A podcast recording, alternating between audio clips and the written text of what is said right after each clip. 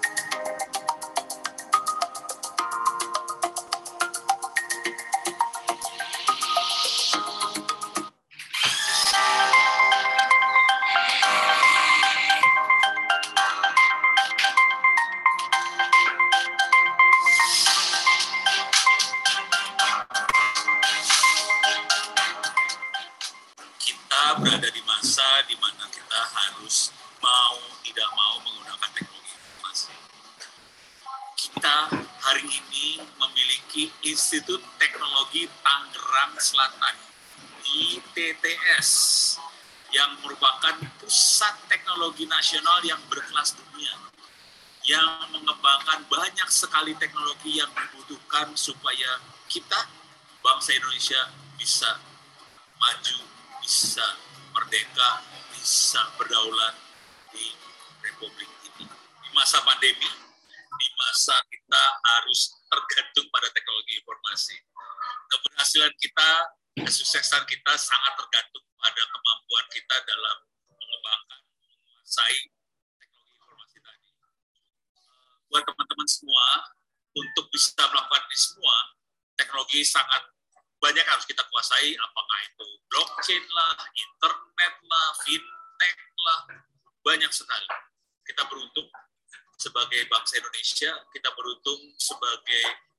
negara Indonesia karena ada Institut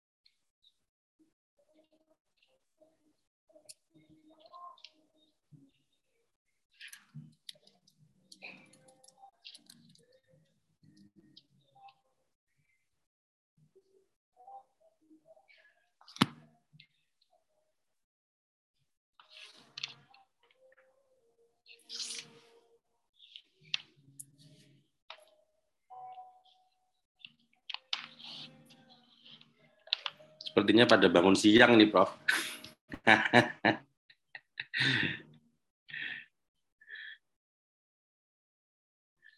Eh, harus di ini Pak Chandri udah bangun pagi depan saya. Oh iya.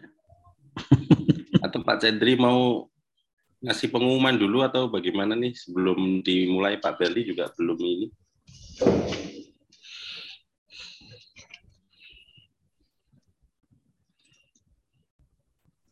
Gimana Pak Agung? Pengumuman apa Pak Agung? Ada yang mau disampaikan enggak? Enggak Pak Agung.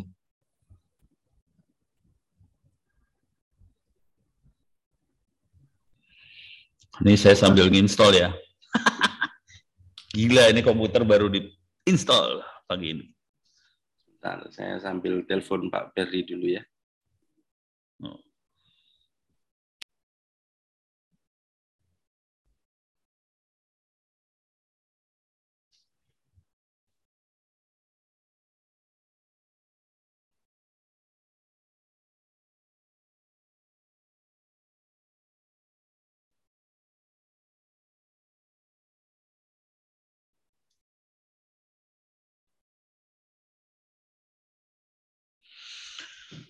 Nanti siang saya sama Diskominfo Jawa Barat ya. Pakai ini juga Zoom dari lab. Oh iya, itu boleh bareng-bareng atau enggak itu, Prof? Bareng maksudnya gimana? Boleh pada ikut? Mm-mm. Eh, harusnya sih boleh-boleh aja sih. Cuman saya nggak apal alamatnya.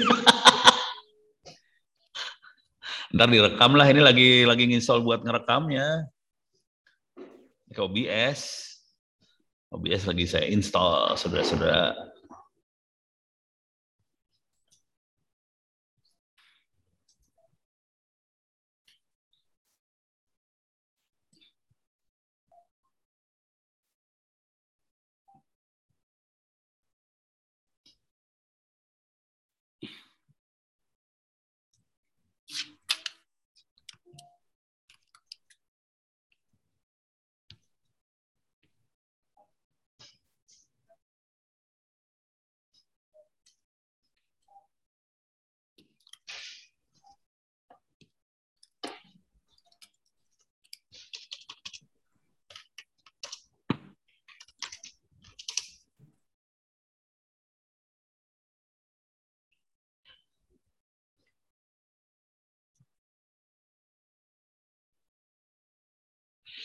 Cek tes satu.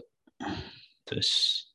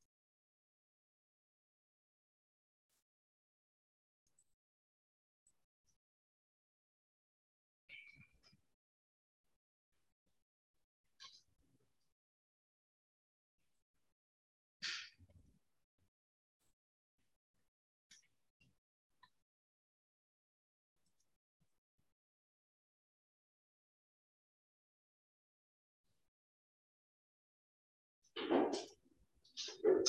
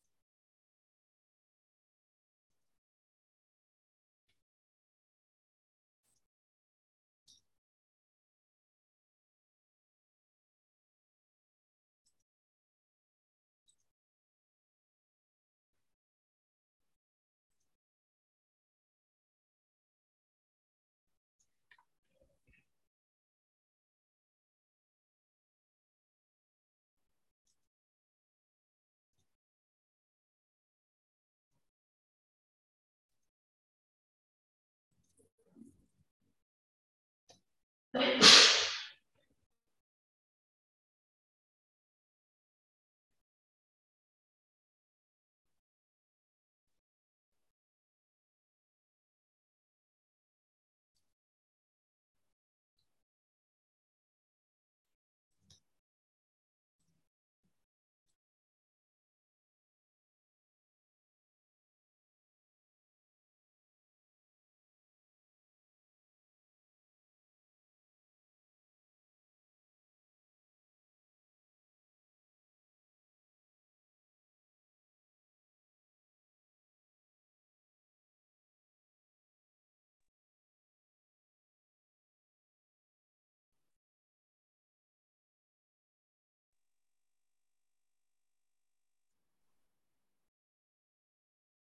Prof atau mau duluan?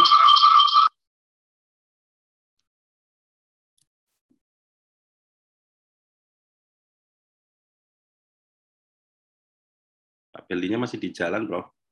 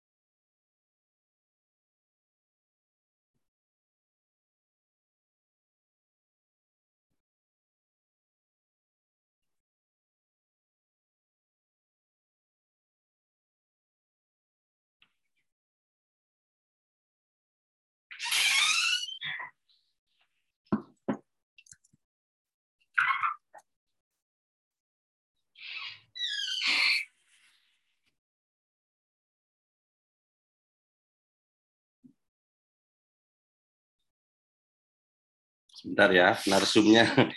Ini yang satu belum siap, yang satunya mati lampu di kampus ya. Ya, Prof. Iya, ini lagi pakai handphone lagi. Komputernya mati, maning.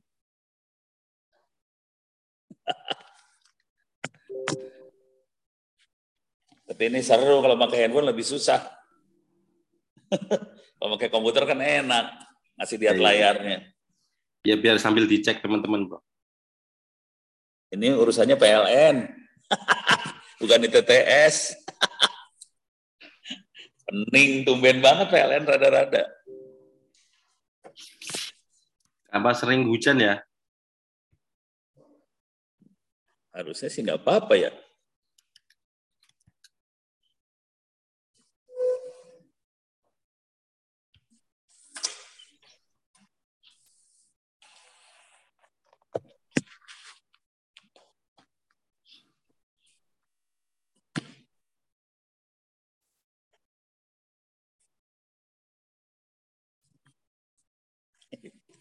Tidak nyala.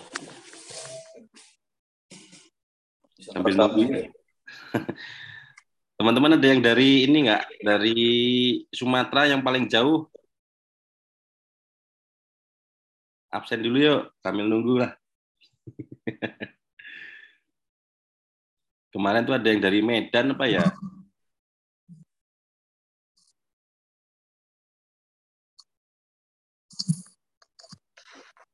Ada yang dari Papua nggak? Simahi itu mana? Cimahi atau Simahi ini?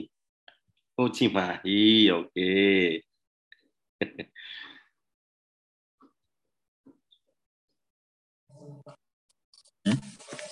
Enggak di rekaman. Terus coba pakai. Bisa rekam. Atau ada yang mau tanya tentang perkuliahan sambil nunggu nih narsumnya belum masuk nih. Prof juga lagi sibuk ini persiapan. Stres aja, nggak bisa megang layar. Nggak rame, nggak ada layar, nggak rame. Assalamualaikum Pak. Waalaikumsalam. Yuk silakan kalau ada yang tanya. Salam kenal saya Faisal Pak. Ya siap Mas Faisal. Maaf Pak ya, saya sambil kerja nih Pak. Nggak apa-apa, nggak apa-apa. Santai aja kita. Penting ujian lulus. Amin Pak.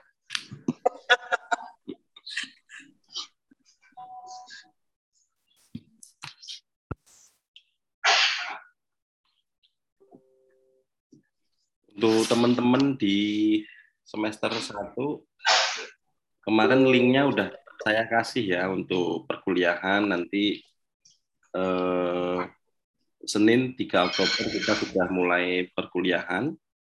Nah, nanti di sana ada link meeting ID dan eh, passwordnya ya. nah, ini ada bapak-bapak dosen juga beberapa yang join. Linknya belum tak kasih ya, nanti ya.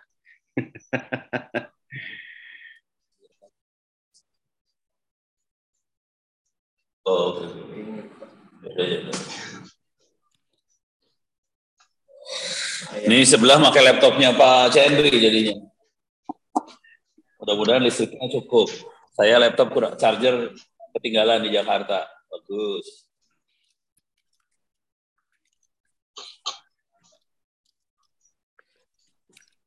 Padahal ini udah siap sih. Komputer siap, listrik mati. Bagus.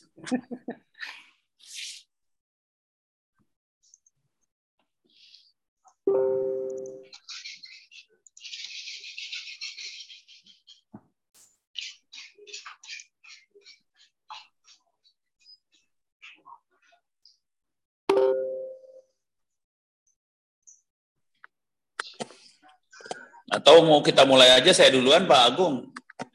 Ya, gimana? Silakan mau di duluan? Woi nggak masalah, kita sih no problem. Ya, ya, oke. Nanti kita Ada nunggu bengong kan kasihan anak-anak juga. Ya, oke. Kita mulai ya. Assalamualaikum warahmatullahi wabarakatuh. Selamat pagi. Yang saya hormati eh, Prof. Ono, rekan-rekan dosen dan mahasiswa Institut Teknologi Tangerang Selatan. Pada hari ini sebetulnya eh, jadwalnya adalah Pak Berli dulu. Cuma karena beliau masih di jalan katanya macet, kita lukir pemain dulu. Nah, ini eh, hari ini Prof dulu nih dengan temanya apa nih Prof yang mau disampaikan? Apakah masih sesuai dengan tema atau ada sedikit ini? Jadi eh, tema utamanya adalah menjadi expert di bidang teknologi, Prof. Nah, gitu. Jadi sama-sama kita ketahui sekarang kalau menurut Forbes memang semua CEO terkaya ya memang IT semua. Itu Prof. Eh, untuk mempersingkat waktu, eh, sebelum kita mulai, marilah kita eh, berdoa menurut agama dan kepercayaan masing-masing. Semoga acara ini eh, berjalan dengan baik. Berdoa dipersilahkan. Terima kasih. Oke, Prof. Time is yours. Eh, silahkan eh, sampai pukul 9. Masih di mute.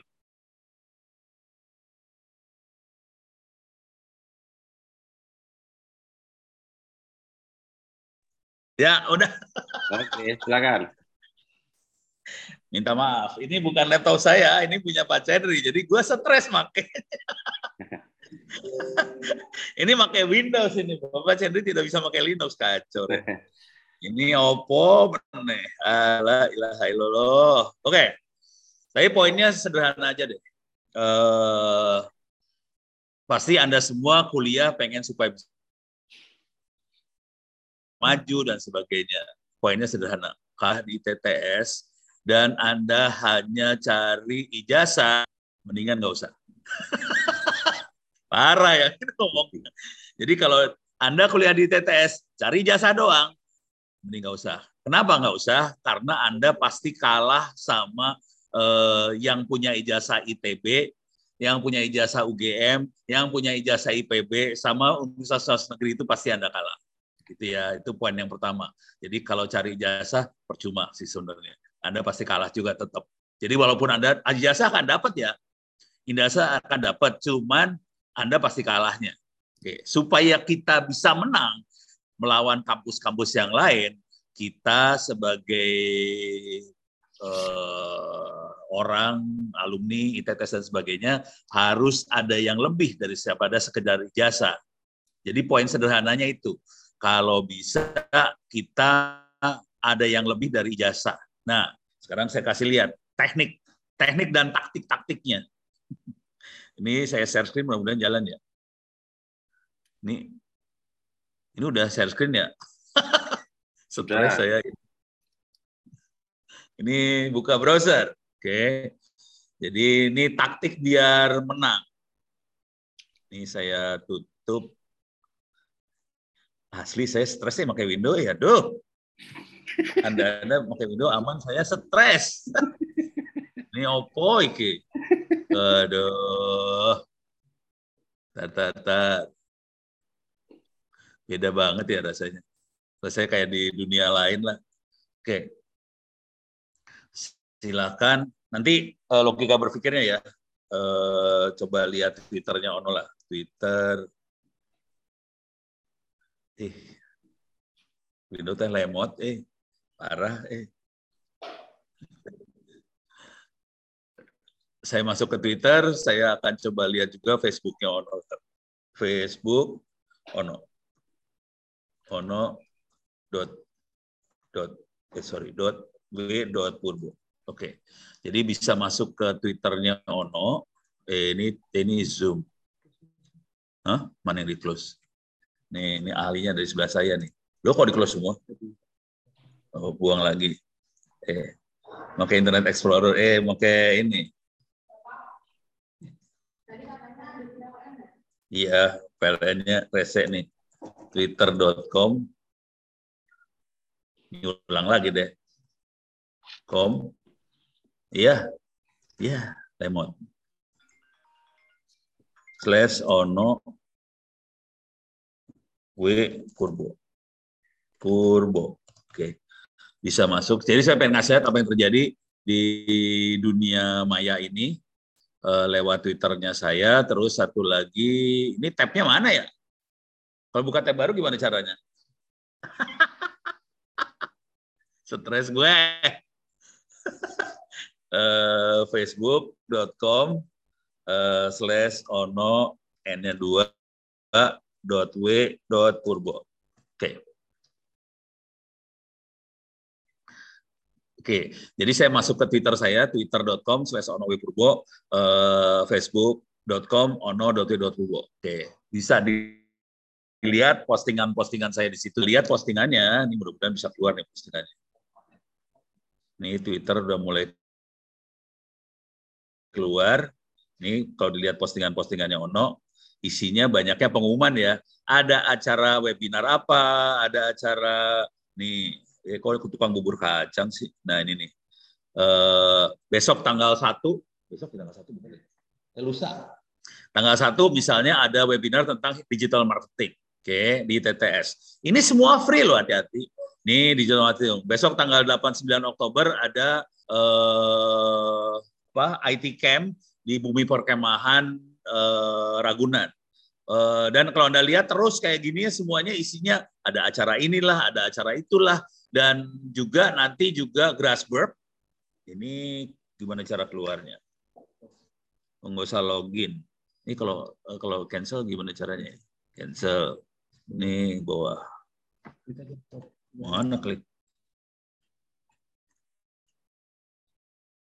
Jangan sign up. Nyuruh sign up. Aduh, Twitter rese. Ya udah. Login, Prof, itu. Twitter. Hah? Kalau Twitter sekarang harus di login kalau mau lihat akun gitu. Oh gitu, alah pantesan. Nah ini juga ini besok ini yang yang tadi bicara adalah Pak Isan ya. Eh, beliau akan ngomong hari Sabtu besok ya tentang digital marketing dengan eh, Bu Aisyah Zakia dari eh, Luminto. Jadi kayak ginian hampir tiap minggu ada kegiatan di TTS dan salah satu mungkin terobosan yang akan terjadi besok tanggal 15 Grasberg, salah satu mahasiswa ITTS juga akan memberikan workshop. Ini di IT Camp, ini kalau kita lihat ini eh, ada Ahmad Junaidi. Ahmad Junaidi adalah anak semester 2 di ITTS yang nyambungin, eh semester 3 ya kalau semester sekarang. Ahmad Junaidi semester 3, dia menyambungkan desa-desa di Garut pakai fiber optik. Jadi itu ITTS. Eh, besok tanggal 15 misalnya eh, Grasberg itu semester 5 sekarang ini dan Grasberg sudah selesai menulis buku dan disubmit ke Andi Offset untuk diterbitkan. Bukunya tentang text mining. Dan besok tanggal 15 akan ada workshop di TTS yang akan memberikan bukan dosen tapi mahasiswa yang namanya Grasberg tadi. Jadi kalau Anda cuman hanya dapetin ijazah, akan saya jamin Anda susah bersaing dengan kampus-kampus besar seperti ITB dan teman-temannya. Tapi kalau Anda bisa seperti Ahmad Junaidi, bisa seperti Grasberg, nulis buku, bahkan ngasih workshop, Anda akan beda dengan lulusan dari kampus lain. Saya kasih cerita lagi yang lain, ini bisa masuk ke Google nggak ya? Google. Hah? Apaan? Oh ini udah nyala lagi. Udahlah percuma lah.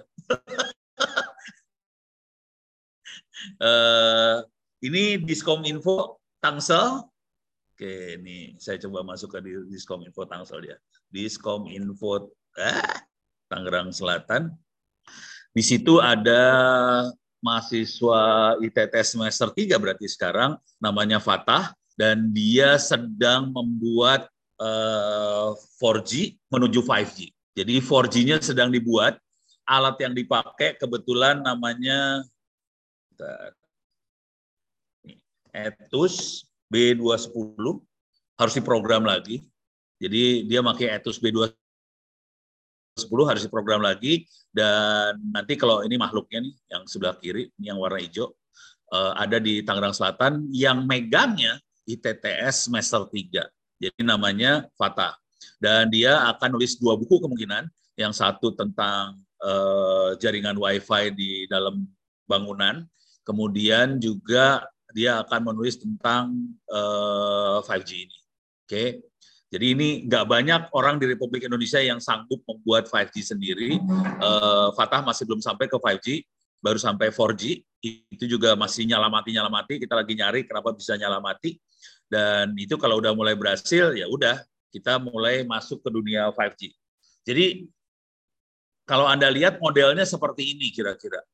Oke, jadi modelnya seperti ini. Dan kita yang kita dorong Anda-anda bukan sekedar eh, kuliah, ujian, dapat sertifikat, lulus, dapat ijazah sarjana. Enggak. Kalau cuman itu sih susah. Kasihan Andanya gitu ya. eh, buat bersaing dengan kampus yang besar. Jadi untuk bisa bersaing kam- kampus besar, Anda harus eh, ikutan gaya-gaya yang ini yang dipakai. Nah, sekarang saya akan masukin lagi untuk bisa cepat kuliah, kalau bo- boleh saran, masuk ke sini, open course itts.ac.id. Ini free, gratis, nggak usah bayar apa-apa, bayarnya pakai doa. Eh, bisa bikin akun di sini free, open course-nya. Cuma nanti harus punya akun ya. punya akun nggak? Ada. Eh, coba biar Pak Chandri login dulu ke ini harus pakai Pak Chandri jangan punya saya. Oke. Mungkin sambil nunggu Prof. Jadi eh, teman-teman semua di ITTS itu sebetulnya hampir semua rata-rata dosennya adalah para praktisi sebetulnya. Nah, kenapa munculnya ITTS? Karena memang di awal teman-teman yang ingin mendapatkan lulusan itu kadang-kadang tidak sesuai dengan eh, ekspektasi di sebuah perusahaan. Nah, sehingga teman-teman dari industri eh, apa namanya me- membuatlah kampus ini gitu ya. Nah, tadi mungkin sudah diceritakan ada Grasberg, ada Fata. Mungkin teman-teman yang di semester 3 juga ada yang lagi persiapan untuk lomba nasional, Prof. Itu si Romi dan kawan-kawan. Oh Itu ya. Ada RTRW digital terus sama kita lagi coba approach eh, untuk lomba di Bukit Asam juga. Hadiahnya 3 miliar tuh, Prof. Wah. Parah. Nah, kira-kira gitu kan. Jadi kita ajari sampai bisa lah istilahnya begitu. Lanjut, silakan, Prof. Eh, dan mereka-mereka itu kita dampingin semua ya. Jadi Ya. dosen, dosen kebetulan dosen-dosennya kan banyaknya orang industri juga. Jadi kita dampingin semua. Oke. Jadi buat anda-anda yang masuk ke TTS, kalau bisa tolong curi start. Oke, maksudnya curi start gini. Anda bisa lulus lebih cepat dari waktu yang dibutuhkan sebetulnya. Caranya gimana supaya bisa lulus eh, dari waktu yang dibutuhkan? Ini ada situs opencourse.itts.ac.id. Di sini ada banyak kuliah-kuliahnya. Ah, Ada cloud computing, ada computer network, ada cyber security, ada data engineering, ada IoT, ada internet safety dan sebagainya. Eh, Salah satu kuliah yang eh, apa favorit adalah misalnya cyber security mana tadi tes cyber security? Ini cyber security oke. Jadi anda bisa dari sekarang cyber security harusnya semester berapa sih? Lima ya? Pokoknya semester inilah saya ngajarin cyber security buat semester lima. Cuman anda yang baru masuk semester satu juga silakan aja ngambil cyber security Oke, bisa masuk ke security yang open course-nya. Kemudian Anda bisa ngerjain di sini kalau kita lihat nanti di bawah ada kuis-kuis segala macam. Ini ada kuisnya, ini ada kuis, bisa diklik nanti dikerjakan ujiannya dan ini kebetulan saya sebagai dosen ya, jadi saya bisa ngelihat siapa yang sudah selesai. Di sini kalau kita bisa lihat eh, ada sekitar 9.000 eh 9.000 Eh, coba kita lihat. Ya betul 9.700 mahasiswa yang terdaftar di cyber security. Dari 9.700 mahasiswa kita bisa ngelihat berapa yang bisa lulus di atas nilai 90.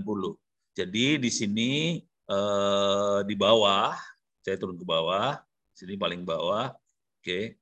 Eh, eh, nilai K sertifikat akan diberikan kalau nilai akhir Anda di atas 90 gitu ya dari 9.700 mahasiswa yang ada di eh, kuliah-kuliah ini hanya 97 orang yang bisa dapat sertifikat cyber security gitu ya. Ini bisa kita lihat lah sertifikatnya bisa di-download. Dan sertifikat ini jadi tidak perlu sarjana sebetulnya. Tidak perlu sampai sarjana pun sertifikat bisa uh, ini masuk ke window rese ya. Males gua. Jadi bisa di-download, bisa dilihat lah sertifikatnya. Cuman yang bisa lihat hanya mereka yang mengerjakan ujian masing-masing orang sama saya sebagai dosennya bisa lihat. Nah, dengan berbekal sertifikat itu, seseorang bisa eh, menaikkan ratingnya di tempat kerja, bahkan bisa dipakai buat ngelamar pekerjaan. Saya kasih contoh buat ngelamar pekerjaannya adalah kemarin teman saya namanya Pak Gildas, eh, perusahaannya namanya Secure IT misalnya .id. Jadi selain dapat gelar sarjana, Anda sebetulnya sebagai mahasiswa pun bisa menaikkan rating. Jadi tidak harus jadi sarjana dulu. Dengan kuliah-kuliah itu ada sertifikatnya, sertifikatnya bisa dipakai buat naikin rating. Kalau ini kasusnya lebih dari naikin rating, ini Secure IT adalah perusahaan yang bikin uh, tool atau peralatan buat ini ya, buat cyber security.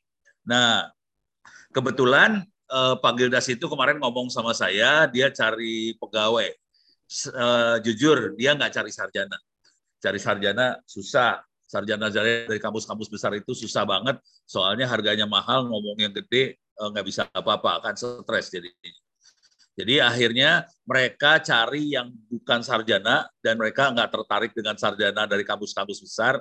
Mereka pengen uh, orang yang sudah dapat sertifikat di open course ITTS ACID. Udah sampai sekarang udah hampir tiga bulan, cuman berhasil dapat tujuh orang. dan dari tujuh hanya eh sorry dia minta tujuh orang hanya dapat empat orang. Saya ulang ya, mintanya tujuh dapatnya empat yang bisa lulus di kuliah Cyber Security Open Course tadi. Empat orang, dari empat, dua SMK, dan yang keren SMK-SMK ini ternyata mereka bukan anak sembarangan, mereka memang jago, dan waktu itu eh, Pak Gildas nanya ke anaknya, "Eh, kenapa kamu nggak terusin kuliah? Soalnya nggak punya uang, orang tuanya adalah pekerja bangunan. Nah ini seru banget. Udah kayak itu dia cerita ke saya, ini anaknya pinter, tapi nggak nggak bisa kuliah karena nggak punya uang. Akhirnya saya nego sama Pak Gildas, tolong dong tuh anak dikasih beasiswa su- su- supaya bisa kuliah di ITTS. Jadi bisa seperti itu pola-polanya. Dan ini bisa naikin eh, rating Anda naik ke atasnya tinggi banget sih. Dengan cuman sertifikat kuliah doang loh. Belum sampai ijazah sarjana ITTS. Dengan sertifikat kuliah udah bisa naik. Nah, sekarang saya kasih lihat masalah paling besar di Republik ini. Eh, saya masuk Google aja ya. Google. Nggak usah jauh-jauh lah. Kita lihat Kominfo lah ya. Sekarang semua orang pada kerjanya marah-marah sama Kominfo. Walaupun akibat dari situ Kominfo akhirnya mau bekerja sama sama ITTS, walaupun sekarang PR-nya ada di Kominfo. Eh, lain kali dulu. Oh, Oke. Kalau kita tahu kan Kominfo masalahnya banyak banget ya. Kominfo. Ada kemarin blokir eh, blokir game kalau nggak salah ya, game online. Yang semua orang pada marah-marah. Oke. Ini ada 15 PSE game online diduga judi yang diblokir Kominfo gitu ya. Walaupun benar sih, cuman orang pada marah gitu ya. Sure. Jadi bukan kerja. Kalau nggak ada masalah, kita nggak punya kesempatan kerja. Jadi pekerjaan itu datangnya dari karena ada masalah sih sebenarnya. Jadi cara ngelihatnya, oke okay, ada masalah. Eh, kalau kayak gitu jangan langsung komplain. Oh si ini blow on, si ini nggak bisa apa-apa gitu. Ya normal lah. Eh, Republik ini kan yang sarjana juga cuma berapa. Jadi tantangannya adalah bagaimana caranya supaya masalah yang ada bisa menjadi kesempatan kerja buat kita semua. Kira-kira itu poinnya. Oke, nah, sekarang saya kasih lihat. Ini tadi kita bisa lihat banget Kominfo eh, punya masalah banyak. Sekarang saya kasih lihat eh, sederhana aja keyword yang saya pakai ya, judi slot. Eh, semua, semua mahasiswa juga ngerjain ini gitu, judi slot. Coba nih perhatiin, saya gedein ya. Saya gedein. Ini nama situs-situsnya ya. Eh, eh, mpwarehousing.com. Kok ini jadi judi slot sih? Ini cgivancouver.com. Judi slot. Coba kita kebawahin lagi ya. Parah nih. Ini ada KKN Unhas ACIB. Kok jadi judi slot? Ini ada juga Bandung Kabupaten Go Ide, Smart City, judi slot. Ini ada kalau ke bawah parah banget sih, banyak banget. Kita terusin banyak ya. Kita lihat yang yang rada yang harusnya benar jadi salah. Ini ada situs namanya KKN Unhas, Universitas Hasanuddin. Lokasinya ada di eh, Makassar. Coba kita klik. Saya klik kanan di sini. Bisa nggak klik kanan? New tab. Oke, sekarang saya Smart City Kabupaten Bandung.go.id. Ini Go ID loh. Klik kanan, buka new tab. Oke. Ini ini yang mengerikan situs-situs yang harusnya benar kok jadi nggak benar gitu kan. Parah banget, jangan khawatir Republik ini parah, parah banget. Oke, kita coba lihat di sini berhasil masuk nggak? Masih loading dia, masih loading. Eh, tapi kemarin tadi pagi saya cek benar masuk ke judi slot sih. No, kan? Login kan, masuk ke judi slot nih. Login, masuk judi slot ini jangan khawatir tuh slot 88. Eh, ini ini KKN Unhas ACID login judi slot. Coba apa enggak Astagfirullahaladzim ini kan namanya kan gila banget ini kan. Oke. Ini dari sisi Oh, ini ada pertanyaan. Ada pertanyaan ya. Ada pertanyaan. Open course-nya Ono Center apakah masih berlaku? Jadi isinya Ono Center saya pindahkan ke dalam open course ITTS. Bedanya antara eh, Ono Center dengan ITTS, Ono Centernya itu umurnya sudah tujuh tahun lebih 8 tahun kali ya sekarang, Eh, dan softwarenya lama. Eh, kalau mau upgrade saya harus format itu server. Konsekuensinya kalau saya format, eh, usernya hilang semua. Jadi akhirnya saya diemin aja di Ono Center. Cuman kalau anda mau eh, dapetin sertifikat, mau dapat apa-apa, anda sebaiknya masuknya ke yang eh, opencourse.itts. Itu ya. Eh, diketawain lagi. Ini ya ya ya ya. Jadi memang ini sih buat ini ya, buat SEO. Cuman kurang ajar banget ya. Jadi poin yang pengen saya sampaikan kayak kayak gini sebenarnya. Bayangkan ini situs-situs benar semua. Ada Unhas, ada uh, macam-macam dan itu semua bukan situs uh, ada Kabupaten Bandung, itu bukan situs bohong, itu situs benar. Ini jadi masalah besar sih sebenarnya. Harusnya Eh, masalah-masalah seperti ini kan ditanganin sama admin jaringan di masing-masing situs tadi ya, yang mungkin sebagian besar dipegang sama ASN, aparat sipil negara, dan juga harusnya dimonitor sama BSSN, Badan Siber Sandi Negara. Dan ternyata kecolongan, dan kecolongannya kayak gini banget gitu, aduh kan parah banget ya. Nah dari situ sebetulnya kalau mau jujur terus terang, ini kesempatan buat kita semua untuk bisa berkiprah. Cara berkiprahnya gimana? ya kita harus ngasih tahu pada mereka semua bahwa kita tuh jagoan loh. Kita tuh bisa hal-hal seperti ini dan sebenarnya hal-hal seperti ini nggak susah juga. Kita bisa belajar, semua ilmunya ada di open course dan open course ITTS ini sudah mulai jadi panutan uh, untuk banyak pihak, terutama urusan cyber security uh, dan lain-lain itu mulai jadi panutan. Kalau Anda dapat sertifikatnya, tidak, bukan tidak ya, belum sampai dapat ijazah sarjana ITTS, sertifikat dari uh, open course saja bisa dipakai gitu buat kerjaan-kerjaan kayak gitu gitu. Beres ya? Jadi udah mulai kebayang polanya seperti itu. Jadi pola-polanya adalah kita ngasih kesempatan buat Anda semua bisa berkiprah. Tadi juga uh, siapa? Romi ya.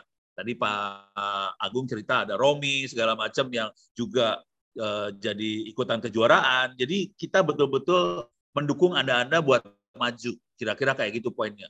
Uh, tidak harus ada di lokasi di Tangsel, dari jauh juga bisa, karena timnya Romi itu sebagian nggak di Tangsel sih, ada di Banten, ada di mana segala macam. Jadi mereka bisa maju seperti itu. Dalam waktu dekat juga kemungkinan kita juga akan ada ini saya belum ngomong ke Pak sih sebenarnya sama teman-teman dosen. di ini idenya istri saya sih, yang punya ide istrinya Ono. Cuman idenya kira-kira gini, setelah kita melihat bahwa kita punya lubang yang sangat besar, apa kesenjangan yang sangat besar di dunia cyber security, istrinya Ono mulai ngomong, kayaknya kita perlu bikin pola supaya kita dapat eh, orang-orang uh, yang jago cyber security dimunculkan ke atas. Uh, kita perlu bikin semacam uh, award lah buat mereka. Cuman supaya gampang ceritanya, uh, saya nego nih sama istri, gimana kalau kita bikin pertandingan aja lah. Pertandingan pakai CTF, uh, eh, Capture the Flag. Kita masukin tab lagi. Uh, jadi kalau Anda bisa nyari yang namanya CTF itu apa, CTF itu Capture the Flag, dan ini pertandingan cyber security. Ini masih dalam ide, masih digodok dan kita lagi pengen masuk ke kerjasama sama Rudex sih sebenarnya. Rudex dari sisi platform CTF-nya. Eh, jadi kemarin kemarin kita sudah sounding dengan teman-teman Rudex. Rudex mulai bersedia supaya platformnya bisa dipakai untuk pertandingan. Uh, dari ITTS kita bisa masukin jadi sebelum pertandingan kita maunya sih bikin kayak workshop workshop kayak gitu supaya uh, orang-orang pinter soal uh, CTF soal hacking soal security segala macam setelah mereka jago uh, kita bisa ikutan pertandingan di platform yang disediakan oleh Rudex. Jadi Rudex adalah salah satu perusahaan cyber security yang cukup oke okay, dan Rudex bekerja sama dengan ITTS juga dan Rudex cari orang buat magang dan sebagainya jangan khawatir banyak perusahaan yang nyari orang buat magang, nyari orang buat jadi karyawan. Uh, salah satunya Rudex ini. Oke, okay. kebetulan kalau Rudex dia punya platform buat CTF, jadi kita kemungkinan akan pakai uh, platform CTS CTF ini uh, sertifikatnya ini dari Rudex dan kemungkinan insya Allah tahun 2023 kita akan mulai kegiatan ini. Saya sih berharap mahasiswa ITTS bisa jadi beberapa pemenangnya ya. Uh, walaupun banyak hacker-hacker yang jago yang ada di luar ya hati-hati. Di luar yang hacker jago-jago banget sih. Jadi paling enggak kita di TTS sudah dekat dengan Rudex-nya dan ada perusahaan-perusahaan lain banyak ya yang kita dekat. Tadi saya nyebut ada security, dia juga cyber security, Rudex juga cyber security, ada Exulotech, ada aduh banyak banget kalau disebutin satu-satu. Dan kalau Anda lihat di rekaman-rekaman di YouTube itu kelihatan pasan ke kita dan sebetulnya di luar wawasan itu eh, mereka biasanya cari anak magang, mereka biasanya nyari karyawan. Jadi kalau Anda ngikutin cara yang dilakukan sama TTS, sebetulnya untuk cari kerjaan, magang segala macam nggak susah-susah amat sih. Lowongan kerjaan banget banyak banget dan mereka nyari orang rata-rata. Dan mereka jujur nyari orang bukan sekedar yang pegang ijazah. Mereka cari orang yang benar-benar bisa ngerjain apa yang dia butuhkan. Ilmu yang banyak dicari nih ya. Ini sekarang udah mulai kebayangkan. Jadi ada ITTS, ada perusahaan-perusahaan, ada industri di luar, ada kesempatan kerja di situ. Oke. Nah, untuk uh, kasih gambaran ilmu apa aja atau bidang apa saja yang ratingnya tinggi sekarang ini, salah satu yang banyak dikejar memang cyber security. Kalau teman-teman dari Amikom ini banyak juga dosen-dosen dari Amikom yang ada di ITTS. Mereka juga banyak berkiprah di urusan uh, multimedia dan ini kelasnya sudah internasional banget. Uh, multimedia artinya bikin film film ya. Uh, contoh filmnya ini yang sangat digemari oleh Pak Profesor Suyanto adalah uh, apa Surabaya teh? Battle of Surabaya. Oh, Battle ini ini sangat revolusioner banget Battle of Surabaya film ya. Ya. Ini mungkin sangat sampai, mungkin revolusioner banget untuk suaranya hilang-hilang. Masih aja. ini orang-orang Amikom semua. Dan Amikom adalah termasuk kampus yang paling inovatif di Indonesia. Dan dia kalau nggak salah ranking berapa ya? 25 atau 15 20-an lah. Sedunia. Inovatif. Ini filmnya yang bikin Pak Yanto jadi legend banget ini film ini dan ini termasuk film yang besar banget uh, ratingnya tinggi banget. Oke. Jadi yang tadi cyber security ini juga ada untuk animasi. Satu lagi yang juga ratingnya tidak kalah tinggi adalah data science. Data science. Oke. Data science, data mining, machine learning dan sebagainya. Ini juga ratingnya tinggi. Kebetulan di ITTS juga banyak yang uh, biang-biangnya data science. Ada Bututi, ada Pak Isan, ada segala macam. Jadi ada uh, jaringan itu udah uh, mutlak diperlukan, jadi nggak disebut lagi. Tapi atas ringan science dan bidang-bidang ini dosennya lumayan banyak berkiprah di uh, dunia industri. Jadi dari sisi dosen oke, okay, dari sisi infrastruktur juga oke, okay, dan Anda bisa curi start dengan cara ambil kuliah-kuliah bisa ngambil kuliah yang ada di di open course, Anda bisa nanti transfer kreditnya jadi kuliah beneran. Artinya kalau Anda lulus di open course tidak perlu lagi ngambil kuliahnya lagi. Misalnya eh, ini anak semester 1 kuliah jaringan adanya di semester 3, tapi Anda bisa lulus kuliah jaringan di open course dengan nilai 90, ya udah nanti semester 3 nggak usah ngambil lagi. Atau Anda bisa lulus cyber security, ya udah nanti semester 5 nggak usah ngambil lagi. Jadi Anda bisa eh, bisa curi start, bisa lebih cepat dari jadwal yang yang yang dijadwalkan. Dan kalau Anda bisa nulis buku seperti Grassberg misalnya, Anda tidak perlu lagi bikin skripsi. Skripsinya udah lewat. Karena Anda punya buku. Kalau Anda punya produk, misalnya punya aplikasi taruh di Play Store yang download udah 500 eh, ribu orang, ya udah kenapa harus bikin skripsi lagi? Anda sudah membuktikan bahwa Anda, itu jagoan. Jadi untuk dapat untuk bisa lulus tidak harus bikin skripsi, pilihan yang lain adalah ya, bikin buku, bikin produk produk eh, dan pokoknya eh, kayak eh, siapa Romi yang kemarin eh, juara dua itu kalau anda bisa juara ya, nanti kuliah yang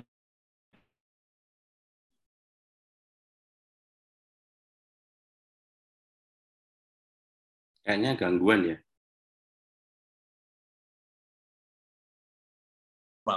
Nggak kebayang bahwa kamu mereka kayak gini. Ini rada nyombong dikit, nggak apa-apa kan ya Pak Agung? Ya, Kita enggak bisa. apa-apa. Oke, saya punya waktu lima menit eh, lagi kayaknya. Barangkali ada pertanyaan sebelum saya kembalikan pada Pak Agung. Silakan, ada pertanyaan, monggo. Targetnya pokoknya Anda bisa cepat lulus, jangan cuma sekedar dapat ijazah, tapi Anda punya yang lebih dari ijazah dan itu yang membuat Anda bisa menang nanti di dunia kerja. Kira-kira itu sih poin yang paling gede. Oke, Nggak ada Prof. terima kasih. Wah, ini eh, mungkin gini ya, bayangannya adalah eh, izin, Prof. Mungkin Ya, silakan. teman-teman, mungkin teman-teman yang mungkin basicnya bukan dari SMK atau yang berbasis komputer, eh, mengenal dunia IT mungkin masih awam. Tapi jangan khawatir bahwa eh, kita eh, di belakang istilahnya para dosen siap untuk me, istilahnya membantu lah teman-teman mengenalkan tentang eh, komputer, eh, apa itu pemrograman, apa itu jaringan, apa itu data science dan sebagainya. Karena memang eh, sama lah seperti kita eh, basicnya programming gitu ya. Ketika masuk rumah sakit, bikin sistem rumah sakit kan kita nggak tahu tuh eh, eh, untuk apotek itu racikan obatnya seperti apa dan sebagainya. Tapi kan itu ada ada bimbingan dan sebagainya. Nah, terkait memang eh, sebetulnya dari MOU kita, mungkin teman-teman saya perlu sampaikan bahwa kita itu sebetulnya banyak dibutuhkan di industri bahwa yang terakhir kemarin mungkin Astra ya, hampir dibutuhkan 300 orang itu. Nah, cuma memang kita lagi menunggu momentumnya gitu karena eh, ini cukup banyak yang dibutuhkan dan kualifikasinya juga cukup eh, apa namanya eh, eh, agak passing grade-nya agak tinggi. Tapi dalam proses-prosesnya memang kita nanti dengan perusahaan itu akan untuk meningkatkan skillnya tetap harus ada eh, apa workshop gitu ya istilahnya untuk meningkatkan skill sesuai dengan industrinya gitu ya. Eh, Ini ada dua pertanyaan masuk. Silakan silakan pertanyaan silakan. masuk.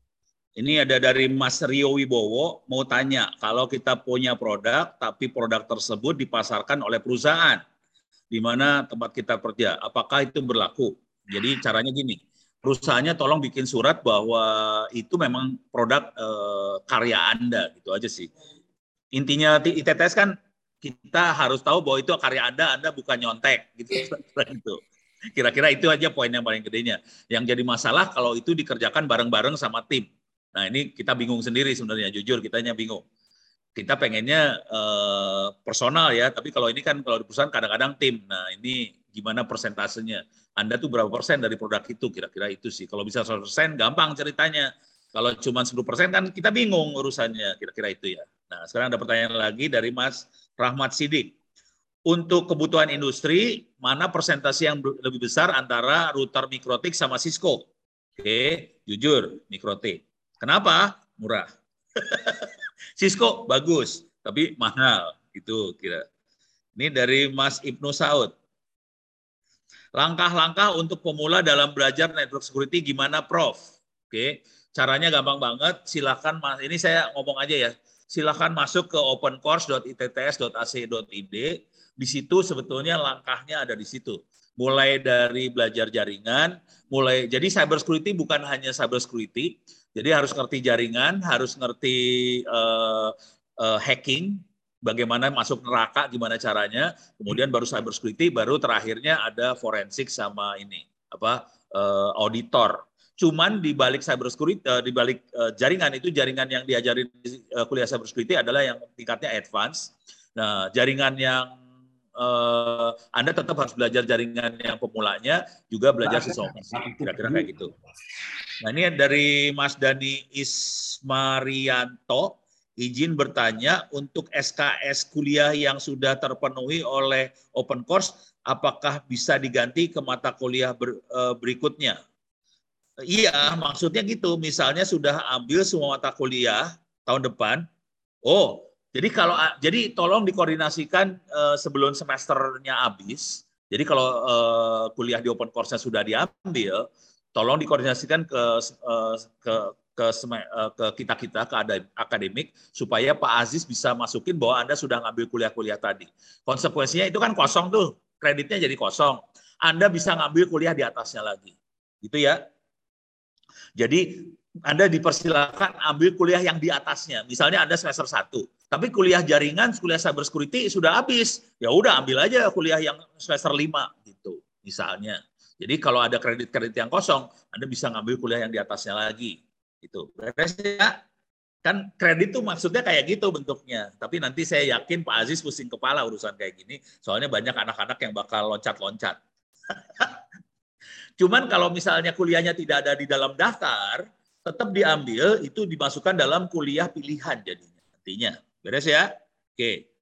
Izin kalau ini dari Mas Ikrom kalau untuk produk itu sendiri bisa buat produk dengan desain yang sudah ada ide baru. Contohnya saya mau buat API gateway untuk menyaingi web methods gitu. Silahkan aja. Cuman pro, kalau produk masalah kalau di produk ya bukan hanya bikin produk ya, tapi harus ada yang make kalau produk kayak gitu. Jadi bikin dan ada yang pakai. Misalnya kita bikin API gateway, eh, terus nggak ada yang pakai, belum dianggap. Jadi harus ada yang pakai dulu. Gitu ya, beres. Kalau mau lebih gila, caranya bikin produk sama bukunya. Jadi Anda dapat nilai dari bukunya. Misalnya belum ada yang pakai, tapi Anda bikin bukunya, Anda dapat nilai dari bukunya. Beres ya? Nah, sekarang buat Mas Givari Kurniawan, ini ini aktif banget di ini loh di tweet uh, di LinkedIn. Izin tanya, apabila kita buat buku, apakah buku uh, buku tersebut bisa uh, dipasarkan secara komersial? Harus bisa dipasarkan secara komersial. Jadi saya bantu sih. Jadi buku tadi biasanya akan saya bantu, kita bantu supaya bisa diterbitkan di penerbit komersial. Salah satu teman penerbit saya adalah Andi Publisher. Jadi penerbit itu nyari naskah semua. Nanti perjanjian kerjasamanya bukan antara Andi dengan ITTS, tapi Andi dengan Anda yang nulis. Konsekuensinya Andi dengan Anda yang nulis, nanti royaltinya akan masuk ke bank tabungannya Anda, bukan tabungannya Ono, bukan tabungannya ITTS. Cuman dalam buku itu ditulis Anda uh, ker, uh, jadi ini bukunya kerjasama sama ITTS. Jadi Andi dengan ITTS, ada kata ITTS-nya juga di buku itu. Tapi duitnya tetap ke Anda dan publika, publikasinya uh, komersial biasa. Oke. Okay. Ini dari Mas Dani, terima kasih. Oke, ada lagi yang lain? Kayaknya nggak ada. Aman dan damai. Kalau ada apa-apa silahkan saya bisa dihubungin pakai Twitter. Saya tulis di chatting ya Twitter saya Ono Purbo uh, atau emailnya bisa di ono@itts.ac.id ac.id oke atau ono at uh, n-nya dua indo.net.id gitu ya. Silakan pakai email, tapi saya lebih suka pakai Twitter. Kenapa pakai Twitter? Supaya semua orang bisa ikut baca. Kalau hanya email kan hanya Anda aja yang baca, kira-kira gitu. Kalau kita pengen berhubungan sama dosen-dosen ITTS ada di mailing list dosen at ittsac.id. Oke, jadi Anda bisa tetap berhubungan dengan semua dosen ITTS. Oke, kayaknya udah kejawab semuanya sebagian besar. Mudah-mudahan bisa bermanfaat. Bila hitaufiq Assalamualaikum warahmatullahi wabarakatuh. Saya kembalikan lagi pada Pak Aku. Waalaikumsalam warahmatullahi wabarakatuh. Terima kasih Prof. Wah ini memang nggak cukup kalau cuma beberapa menit ya. uh, uh, Prof. Erik, uh, apakah sudah standby? Standby. standby. Oke. Okay. Oke, sebelum masuk mungkin uh, saya sampaikan tadi yang mau bikin buku. Sebetulnya banyak aspek ya. Jadi bikin buku, penelitian, bikin produk, uh, ikut lomba tingkatannya nasional maupun internasional. Jadi kalau teman-teman tadi itu mulai dari kabupaten kota, naik ke provinsi, naik ke uh, nasional dan sebagainya itu memang kita dampingi sih. Jadi ada beberapa dosen yang memang eh, aktif mendampingi gitu. Nah minimal nanti kalau untuk buku ITTS lah yang beli.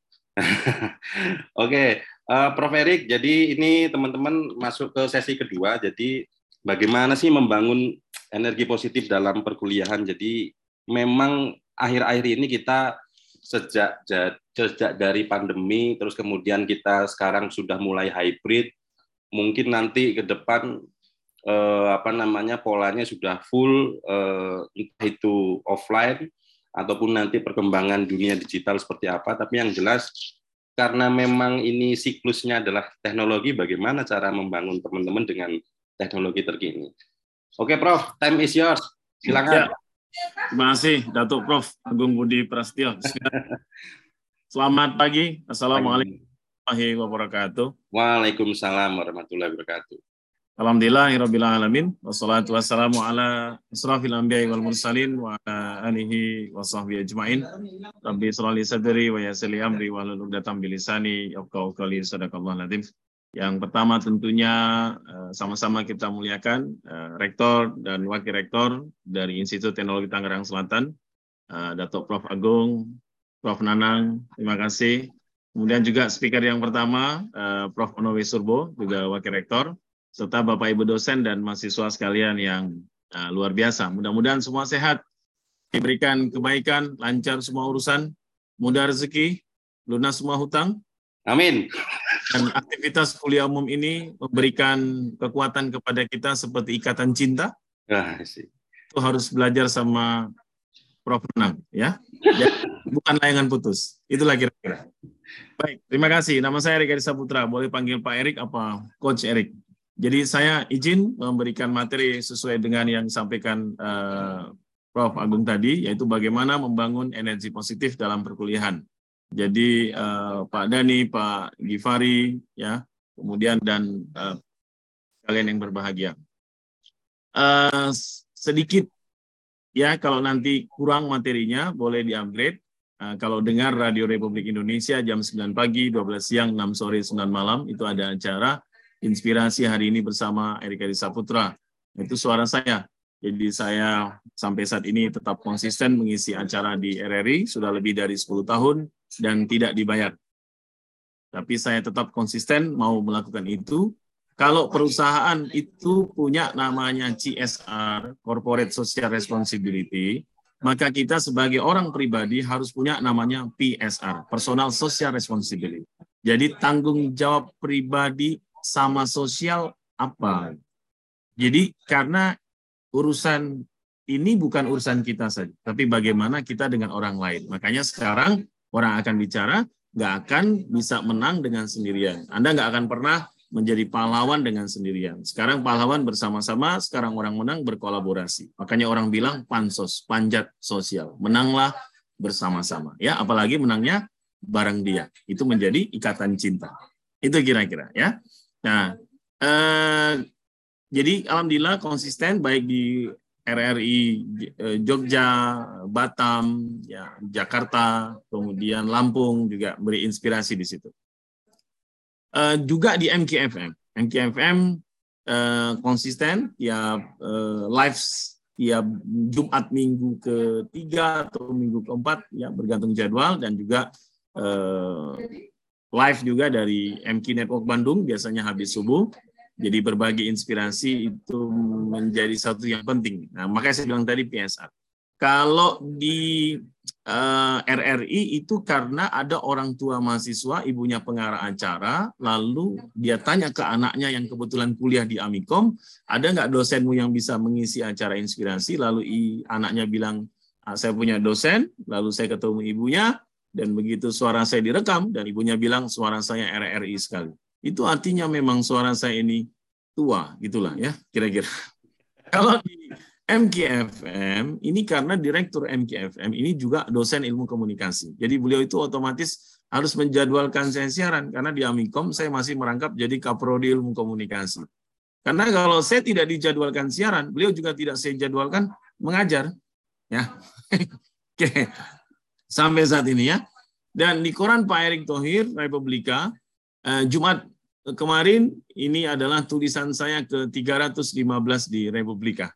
kolumnis di Republika, namanya Inspira dan tidak dibayar. Ya, berbagi inspirasi. Karena manajer areanya teman saya, jadi nggak enak kalau dimintai tolong. Nah, itu dia dan mohon supportnya. Eh, saya sedang memproduseri satu film layar lebar feature judulnya Kinah dan Rejo. Inspirasinya dari tanah Kinah Rejo di Gunung Merapi, di lereng Gunung Merapi, kisah mudanya Mbah Marijan dan istrinya Mbah Ponira. Kalau Eropa punya Romeo dan Juliet, Jakarta dan Solo punya Galih dan Ratna. ITTS punya Pak Nanang dan apalah gitu lah. Ya, Pak Nanang istrinya. Maka nanti Jogja akan punya Kinah dan Rejo. Jadi pas asal daerahnya Kinah Rejo. Sudah selesai filmnya. Tinggal color grading di XS1 dan menunggu waktu yang tepat untuk ditayangkan.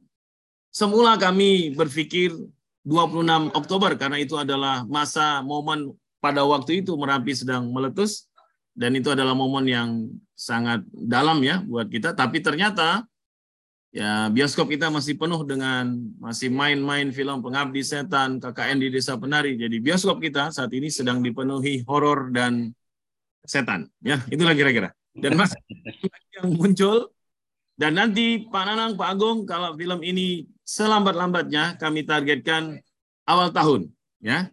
Kalau nanti filmnya jadi, maka insya Allah yang hadir kuliah umum hari ini tercapture, ada namanya, insya Allah saya undang untuk menghadiri acara premiernya di Jakarta.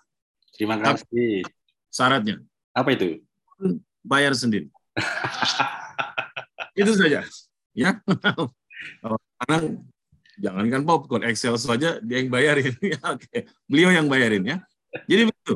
Dan sudah ada BTS-nya, saya izin share BTS-nya sedikit. Ini behind the scene, bukan Jimin, RM, Suga, Jungkook. Ya, beda. Ini dan disutradarai Pak Rektor langsung bersama Hernandez Saranela, jadi sutradaranya ada dua.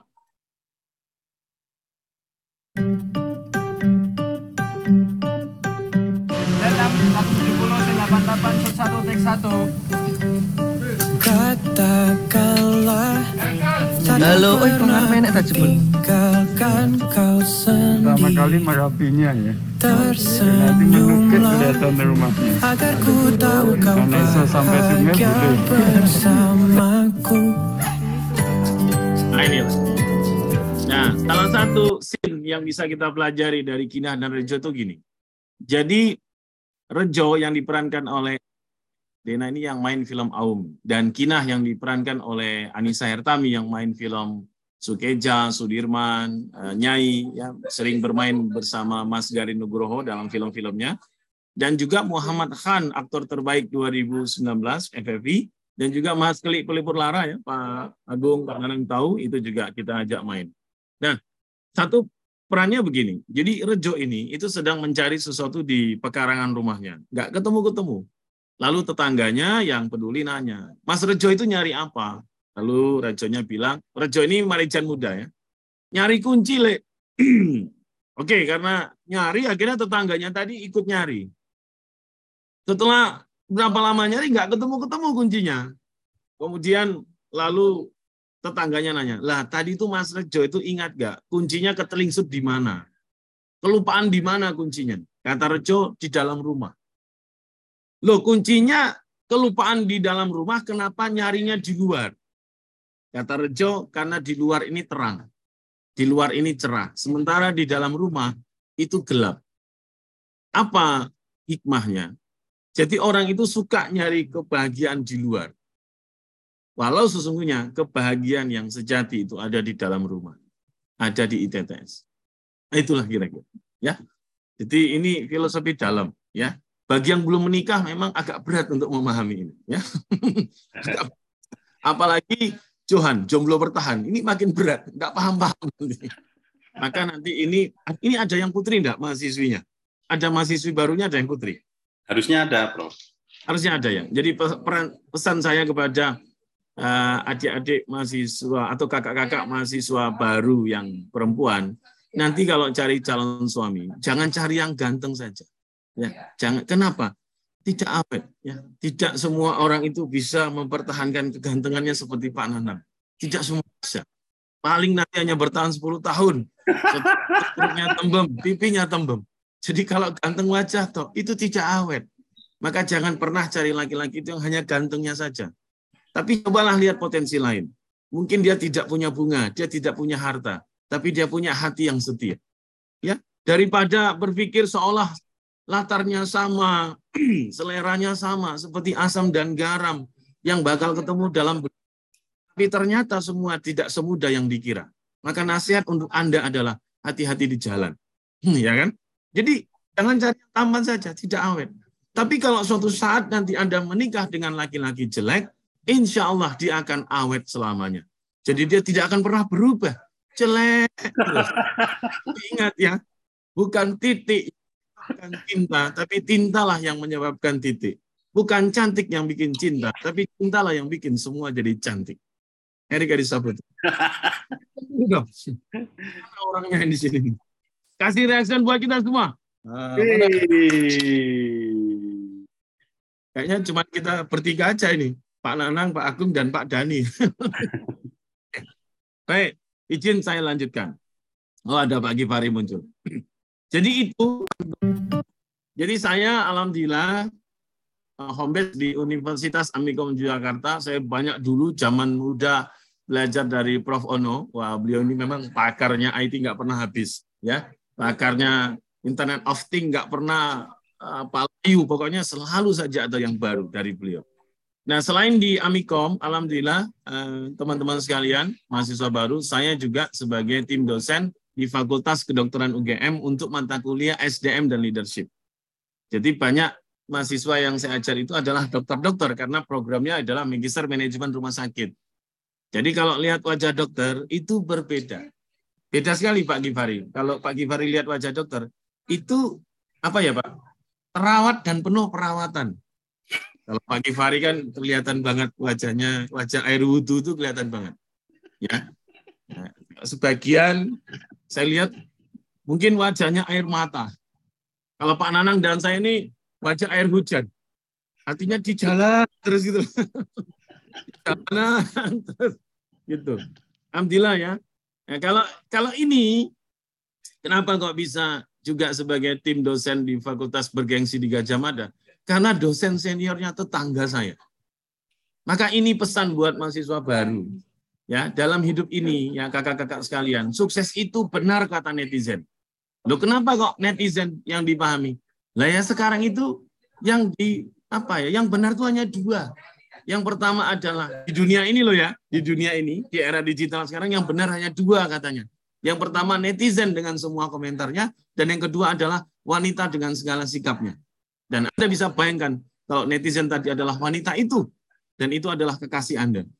Berarti hidup Anda harus banyak sabarnya ya kan. Nah, jadi sampai saat ini tetap konsisten. Saya juga suka memberi coaching di Direktorat Jenderal Pajak baik secara kantor KPP, kantor wilayah maupun secara nasional. Kalau nasional online untuk bisa jangkau semuanya.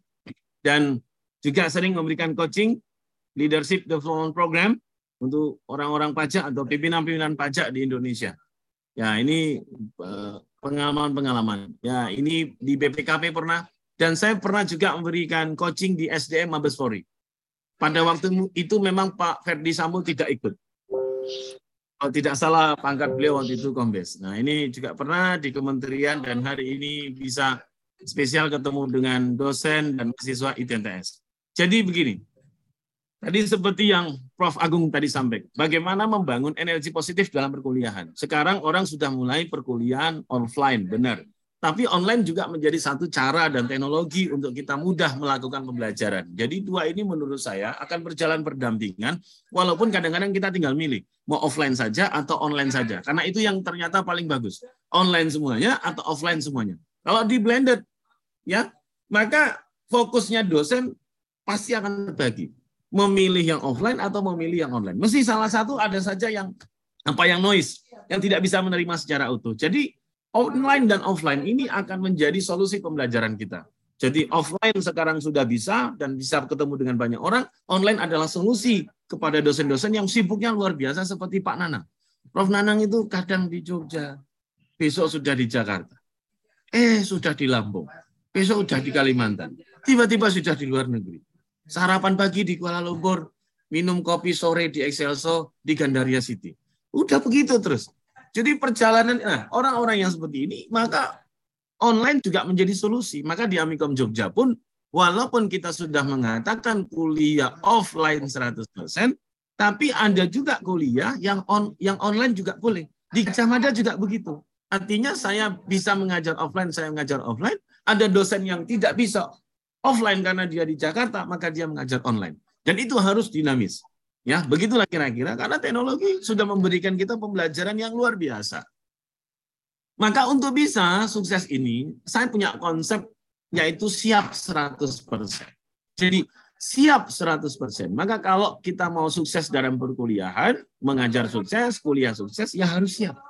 Karena tidak bisa segala sesuatu itu Sukses kalau tidak totalitas, sepenuh hati. Tidak bisa. Mencintai tidak sepenuh hati, bubar. Bekerja tidak sepenuh hati, ambar. Ya, ambar. Enggak apa kayak kurang kayak sayur tuh kurang garam. Mesti uh, sesuatu itu harus totalitas. Maka kata siap itu adalah singkatan dari S-nya sepenuh hati, I-nya adalah ikhlas, A-nya amanah, P-nya pantang menyerah. Nah, empat ini akan coba kita kita review dan kita bahas satu-satu. Mengapa orang harus sepenuh hati? Ini ada seorang kakek. Kakek ini adalah uh, seorang ya tunawisma tapi tinggalnya di jalanan kota di Libanon. Anak-anak muda yang peduli kepada si kakek ini lalu memberikan uang kepada beliau dan uangnya banyak. Dikasihnya satu juta. Tapi bukan satu juta rupiah, satu juta LBP, Libanon money. Satu juta LBP itu sama dengan sembilan rupiah. Jadi si kakek ini dikasih uang banyak sekali. Yang menarik adalah Bapak Ibu dan kakak-kakak semua, apa respon beliau ketika dikasih uang? Perhatikan.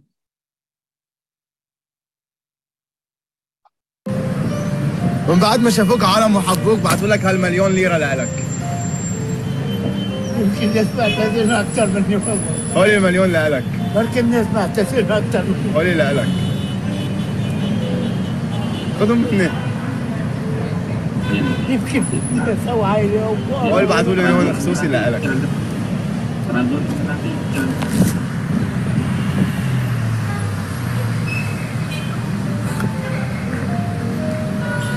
بيت ولا دنيا بس هو اللي بدي اياهم هو اللي قالك بعثوا لي. خصوصي لك اجوا باسمك بركي. يا عيال. هو يتم كمان عم نساعد غير عالم بس هولي خصوصي اجوا لاسمك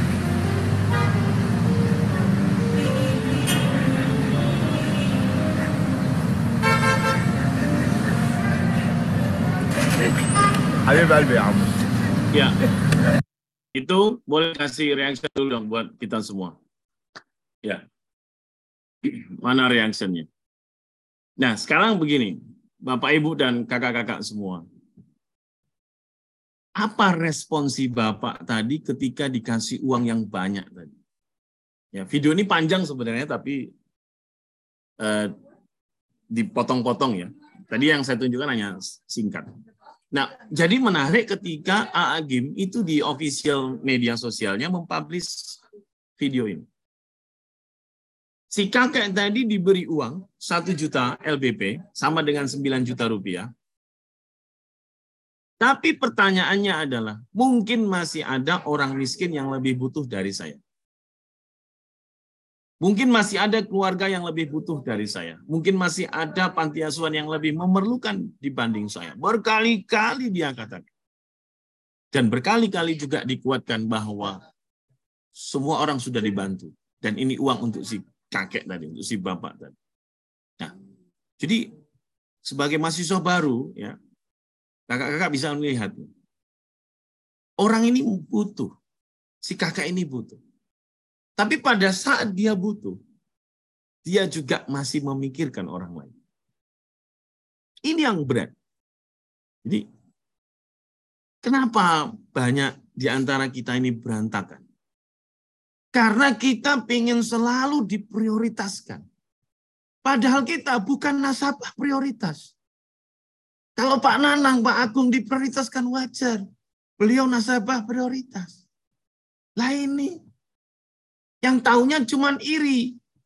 Kok bisa Pak Akbar dapat satu juta, saya kok 500. Kok bisa Pak Dani dapat 2 juta, aku kok cuman satu juta.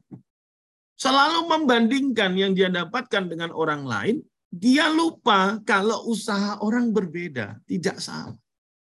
Berusaha berbeda, tapi dia pingin yang penting hasilnya sama. Lah gimana cara ngitungnya?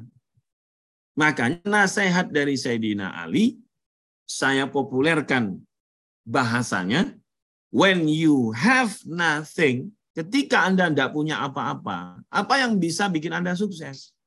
Your patient, sabarnya Anda. Zaman saya kuliah, dan juga Prof. Nanang juga zaman kuliah, saya itu rela jalan kaki ke kampus itu untuk tidak naik kopata.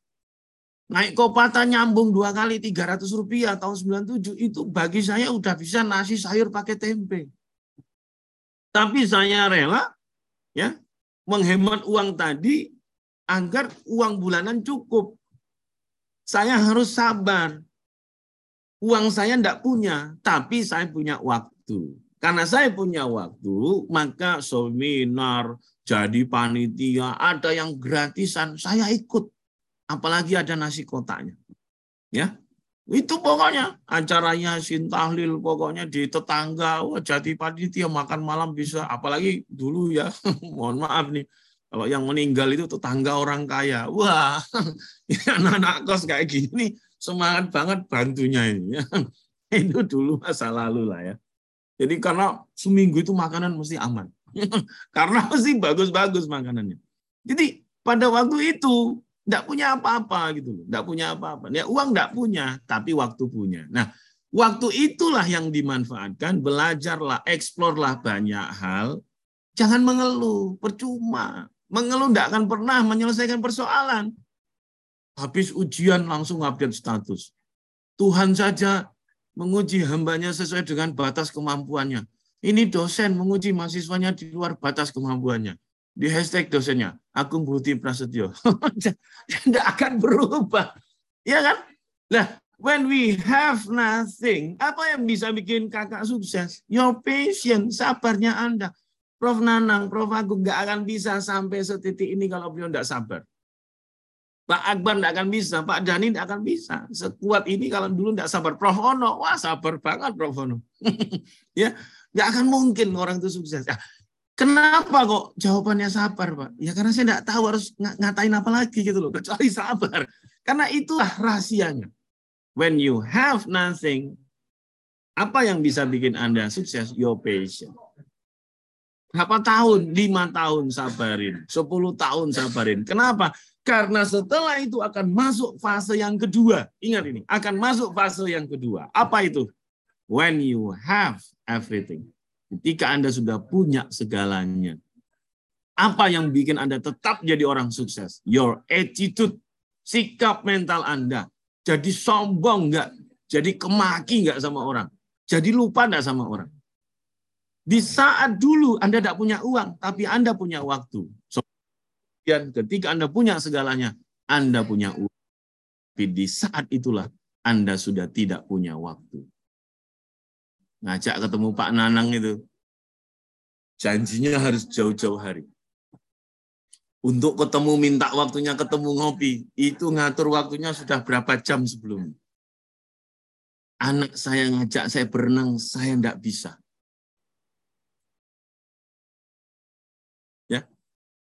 Saya diajak weekend loncat-loncat di kids zona, tidak bisa anak mau ngajak berenang, saya lagi di Bekasi, lagi di Jakarta, ajak-ajak anak lagi di Banjarmasin. Istri saya itu tidak apa-apa, Mas.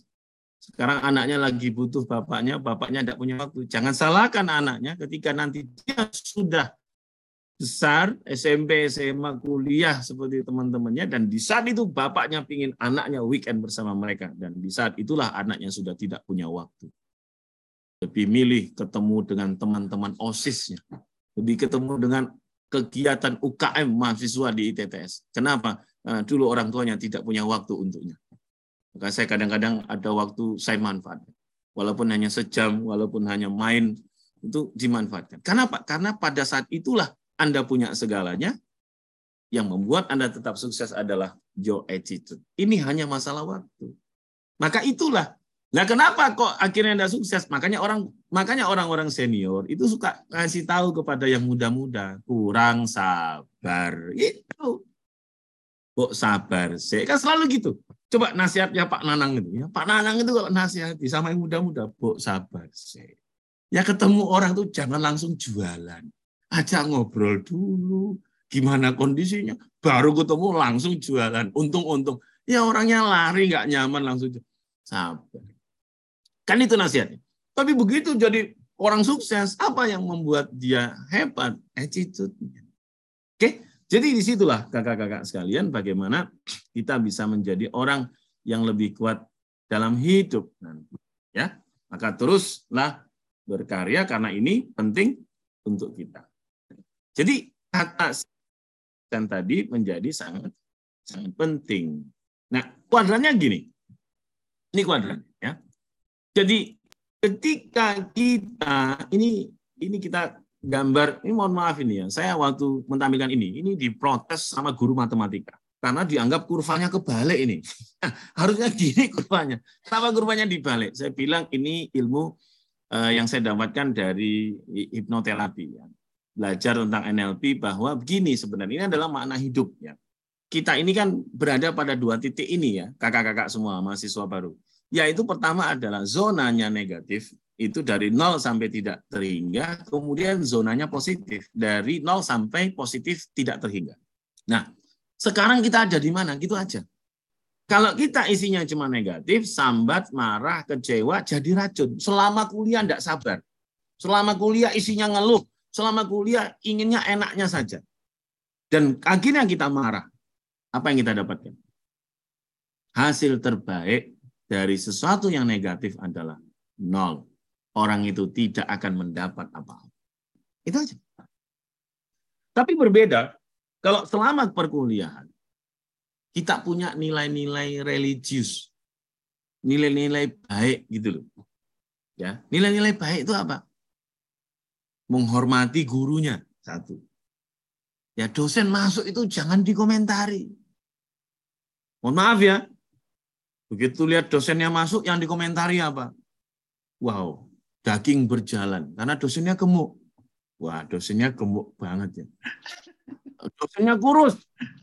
Kurus banget. Saya pernah itu Pak Akbar zaman tahun 2002. Awal-awal muda jadi dosen itu Pak Nanang tahulah dulu berat badan saya 55 kilo. Jangan bandingkan dengan sekarang. Saya ngajar PSU wah, dengan ukuran celana 28, jangan tanya sekarang ya.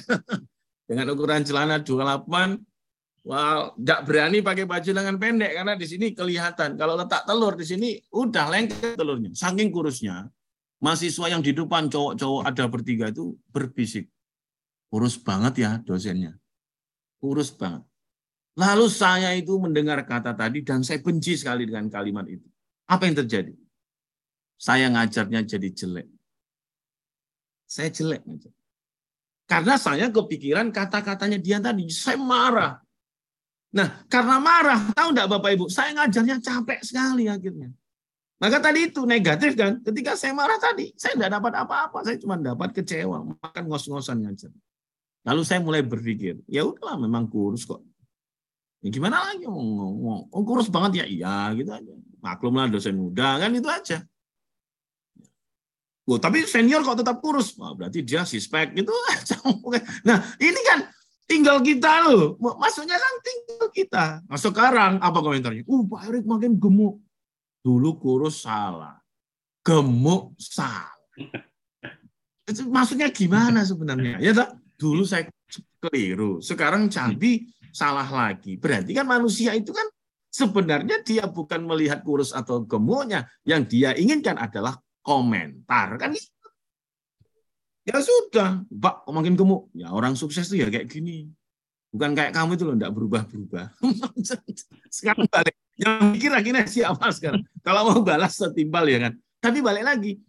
Nah, Jadi ketika kita dikomentari, kita jak usah terlalu mikirin yang itu, ambil saja hikmah. Pastilah sisi-sisi baik. Oh makin gemuk ya Pak, Alhamdulillah sehat. Kurus ya Pak, maklum lah. Banyak pekerjaan tender dari Pak Agung yang tidak selesai-selesai. Akan puasa terus ya Mas. Puasa terus. gitu lah. Ya, tapi jam-jam puasanya bukan jam-jam berbuka sebelum apa pas im apa pas imsak gitu ya, kalau berbuka sahur enggak ya. Puasa aja Mas. enggak makan maksudnya. Nah, di sini jadi harus ada nilai-nilai eh, baik dalam kuliah. Ilmunya dipelajari karena makanya orang itu ketika dia belajar dia marah, dia belajar tidak suka, apa yang terjadi? Ilmunya tidak masuk. Termasuk dosen ngajar tidak ikhlas gitu. Itu capek nanti ngajar. Kan biasa kita kan ya, terpengaruh sama mahasiswa yang nggak melihat atau mahasiswa yang main handphone. Ya kita udahlah, tetap sisi baik ya nanti kapan-kapan pasti sadar. Nah, jadi berbuat baik kepada orang jadi dapat lagi baik untuk kita. Yang kedua adalah energi positif itu kalau kita tahu bagaimana mengembangkan diri. Jadi self development itu harus dinaikkan terus apalagi yang baru, haus akan ilmu, haus akan uh, belajar, haus akan kolaborasi. Oh, apalagi yang baru, oh, saya mau Pak join, saya mau Pak jadi volunteer, saya Pak Pak join sama risetnya, saya mau Pak join sama UKM-nya. Kenapa? Dulu saya asisten, oh tak kejar itu. Saya mau Pak jadi asisten. Ya karena salah satu cara untuk kita bisa upgrade terus ya di situ caranya. Dan moving forward. Kita harus mulai move on, menyesuaikan diri. Karena tidak akan bisa kita hanya mengeluh. Nah, di sinilah kalau ini bisa kita lakukan, maka yang kita dapatkan adalah kebaikan yang nggak akan pernah putus. Jadi anggaplah kuliah ini adalah bagian investasi yang perlu untuk kita lakukan dan wajar ketika investasi itu kita mengeluarkan sesuatu. Itu bukan biaya, tapi adalah investasi kita di masa depan. Ya, berapa banyak orang tua yang anaknya SMP kayak di Al Azhar gitu ya, masuk saja dia harus bayar 35 juta. Belum lagi per bulannya dia harus bayar 3 juta. Tapi mereka mau. Teman di Darut Tauhid begitu masuk sekitar ya 37 juta anaknya masuk per bulannya 3 jutaan dia mau. Kenapa mereka mau? Karena bagi mereka ini bukan masalah biaya, ini adalah investasi untuk masa depan. Jadi kata John C. Maxwell, ya, kalau Anda ingin sukses tapi tidak mau mengeluarkan sesuatu, itu namanya berhayal. Jadi orang sukses itu harus mengeluarkan sesuatu. Pikirannya, tenaganya, biayanya. Kalau dapat beasiswa, alhamdulillah. Beasiswa separuh, berarti harus menyiapkan semuanya. Nah inilah moving forward-nya tadi. Oke? Sebagai contoh gini. Makanya jangan cuma diam. Tadi ide-idenya Pak Ono, Prof. Ono itu luar biasa loh, kakak-kakak sekalian. Makanya jangan diam. Saya kasih tiga contoh lah mahasiswa yang Pak Akbar juga terlibat dulu Pak Akbar ya. Pak Akbar ini kan dulu aktif di Amikom Business Park Inkubator. Nah, jadi kami banyaklah Pak Akbar mengcoaching dari sisi saya, mengcoaching dari sisi marketingnya. Ini contoh Pak Akbar ingat ya, Aji Purwojati ya. Aji itu kan dulu mahasiswa biasa-biasa saja. Bahkan dianggap mahasiswa yang uang bulanannya itu terbatas. Ya. Uang bulanannya itu terbatas. Nah, karena uang bulanan terbatas, dia mau cari uang gimana caranya? Ya dia harus punya sesuatu, dia harus punya karya. Nah, akhirnya dia buat bikin apps-nya Lunas Bos. Saya nggak tahu apakah pinjol make aplikasinya dia apa enggak, saya nggak tahu. Tapi yang menarik adalah di usia 24 tahun dia dapat funding 300 juta. Kan di Camristek Dikti dulu kan ada tuh yang untuk eh, apa namanya perusahaan pemula ya, ya perusahaan teknologi ya yang untuk pemula itu kan selalu disupport 300-400 juta dan mereka bisa mengembangkan sendiri. Dan uangnya nggak perlu dibalikin. Yang penting adalah progres pada produknya. Dan menarik sekali sampai sekarang. Akhirnya dia bisa mandiri gitu loh dengan aplikasi. Mas Andrian Nurdiansa, dia bikin idenya adalah bikin guest house. Akhirnya di Jogja, siap, rumah siapa yang pertama kali jadi guest house? Ya rumahnya sendiri. Dia ngekos, ya kan? Nah inilah namanya mengorbankan diri investasi gitu. Nah dia bikin apps-nya, dia pernah presentasi, dia pernah dapat funding 400 juta cuma-cuma di, di, di, usia 25 tahun dia dia banyak menang kompetisi. Ya bagi dia adalah lomba itu ya unjuk gigi aja dulu, nggak usah berpikir menang. Menang itu urusan juri. Urusan Anda adalah presentasi, urusan Anda adalah unjuk gigi. Semakin banyak Anda presentasi, semakin banyak Anda dikenal orang. Itu aja. Menang itu kan proses, kan? Yang penting Anda buat peran. Nah, kalahnya kita adalah belum lomba sudah takut kalah, belum lomba takut nggak menang. Alfa Nordiansa, Andrian Nordiansa, lomba terus aja dia. Akhirnya dia sampai ke titik dapat funding. Jadi konsistensi menjadi penting ya. Tuh. Sampai bikin teknologinya dia. Nah, satu lagi Farudin Hasan. Ini yang bikin Ichibot. Ichibot. Ichibot ini robot modalnya satu juta. Dia bikin basic robot yang biasa untuk dipakai lomba anak-anak SMP atau anak-anak eh, sekolah menengah untuk lomba robot. Tergantung nanti rekayasanya ke mana. Mau robot pemadam api, mau robot apa. Tapi basic robotnya Ichibot ini. Dia terus presentasi, dia perbaiki robot yang terus. Dan gila Farudin Hasan itu dapat funding 700 juta di usia 24 tahun. Dan kakak-kakak tahu sekarang, kalau Anda mau ngambil Ichibot dari tangan Farudin Hasan, itu revenue bisnisnya sama dengan 5 mobil Alphard baru. Nah, jadi orang itu tidak akan pernah sukses kalau hanya merana nasib. Hanya curhat susah gitu. Hanya ibaratnya, ah, cuma kayak gini capek. Kenapa? Karena kreativitasnya mandek. Tapi orang yang selalu berpikir, oke okay, saya nggak punya. Terus gimana caranya? Itu kreativitas akan jalan terus dan ketemu. Karena Allah itu suka, Tuhan itu suka sama orang yang bersungguh-sungguh. Manjanda wajan. Memang dia nggak dapat apa. Ya. Itu tahu Gezel ya. Gezel yang hidup di batang apa di di rumputnya kan. Lalang yang wah pagi-pagi kan udah bangun tuh dua jenis binatang. Gezel sama harimau. Sudah bangun mereka. Gezel bangun pagi, dia harus lari cepat. Kalau nggak dia dimakan harimau. Harimau juga harus bangun cepat, karena kalau nggak terlambat dia nggak kebagian Gezel. Ya, ya kan? Itu aja dia. Nah kita terlambat nggak dapat apa-apa, maka kita harus cepat. Hanya mikir susah, kita nggak dapat apa-apa. Pikirkan solusi supaya kreativitas kita berkembang. Ya. Tahu Nokia kan? Nokia bangga dengan sistem operasi Symbian-nya, akhirnya anjlok karena Android. Dia lambat, dia tidak mau tidak mau mengganti, dia tidak mau berinovasi. Kakak tahu Kodak kan? Kodak itu dulu kalau film, Kodak itu kalau saya nggak salah zaman tahun 96 itu bisa market capitalnya 28 miliar dolar. Pegawainya 140 ribu, 140 ribu di dunia. Tahun 2002 dinyatakan bangkrut dan menyisakan pegawai 17 ribu. Dan kakak tahu tahun 2002 Instagram, Instagram itu mencapai market capital 1 miliar dolar dengan hanya dikelola 13 karyawan. Kenapa? Kodak tahu akan ada kamera digital untuk roll film ya. Tapi dia tidak publish, dia tahan dulu karena bisnisnya roll film. Eh, tetangga sebelah, toko sebelah mempublish kamera digital. Apa yang terjadi? Gagal sebagai pelopor pertama. Roll film juga hancur, habis.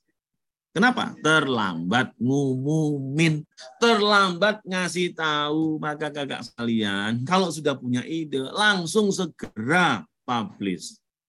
Langsung mahasiswa saya punya ide, oh berarti kalau saya sudah punya rasa cinta harus segera di anu ya Pak, dikatakan ya Pak. Kalau enggak nanti disalip di perempatan rame Pak. Kalau Anda mau, salip nggak akan bisa dikalahkan. Ini ilmu tanam. Kalau Anda mau nyalip, nyaliplah di sepertiga malam terakhir. Wah, Anda nggak akan bisa dikalahkan. Anda akan menang aja. Kayak Pak Akbar itu. Pak Muhammad Akbar Maulana. Wah, itu beda dengan saya ya. Beda. Kalau saya itu setelah ngomong ke 20 orang, baru ada satu yang respon. Tapi belum mau nikah. Kalau Pak Akbar, dia nggak usah ngomong. Yang lain itu datang. Itulah bedanya. ya. Memang lain. Makanya Pak Akbar ini suka jadi bintang iklan. Ya, jadi karena memang wajah kalau saya produser aja.